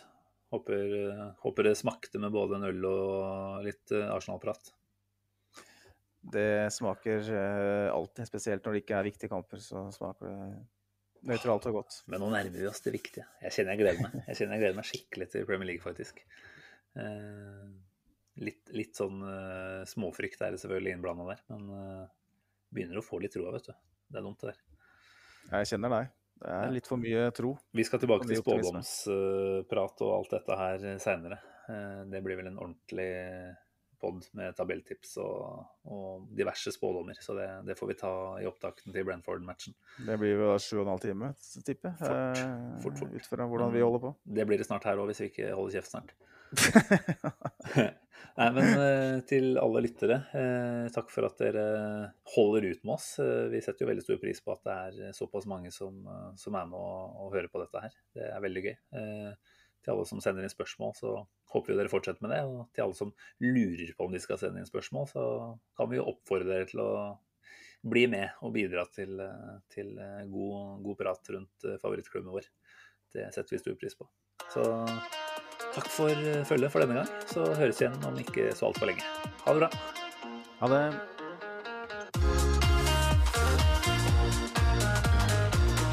This train terminates here.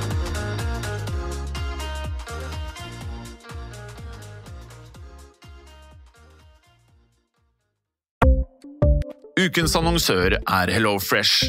HelloFresh er verdens ledende matkasseleverandør og kan være redningen i en travel hverdag. Mange av oss har nok vandret i butikken både sultne og uten en plan for middagen, som ender med at vi går for de samme kjedelige rettene gang på gang. Middag burde være dagens høydepunkt. Som HelloFresh kan du nå velge mellom 25 ulike retter hver eneste uke, eller få HelloFresh til å sette sammen menyen for deg. Dette gir deg muligheten til å prøve nye og spennende retter alene eller sammen med familien. Du velger antall porsjoner og får alt levert på døren på et tidspunkt som passer for deg. Oppskriftene er enkle, og maten er lett å lage både for store og for små. Ved å få alt levert hjem får du også mer tid til å dele matgleden med familie og venner. Kanskje det frister med asiatiske tacos eller greskinspirert kylling? Da kan jeg anbefale deg om å gå inn på hellofresh.no. Her kan du bruke koden FOTBALL og få opptil 1779 kroner i rabatt på de første fem matkastene hvis du ikke har prøvd HelloFresh tidligere. Du kan også bruke rabatten hvis du har vært kunde og stoppet abonnementet ditt for tolv måneder siden eller lengre. Gå inn på hellofresh.no og bruk koden FOTBALL. Har du et enkeltpersonforetak eller en liten bedrift? Da er du sikkert lei av å høre meg snakke om hvor enkelt det er med kvitteringer og bilag i fiken, så vi eh, gir oss her, vi. Fordi vi liker enkelt. Fiken superenkelt regnskap.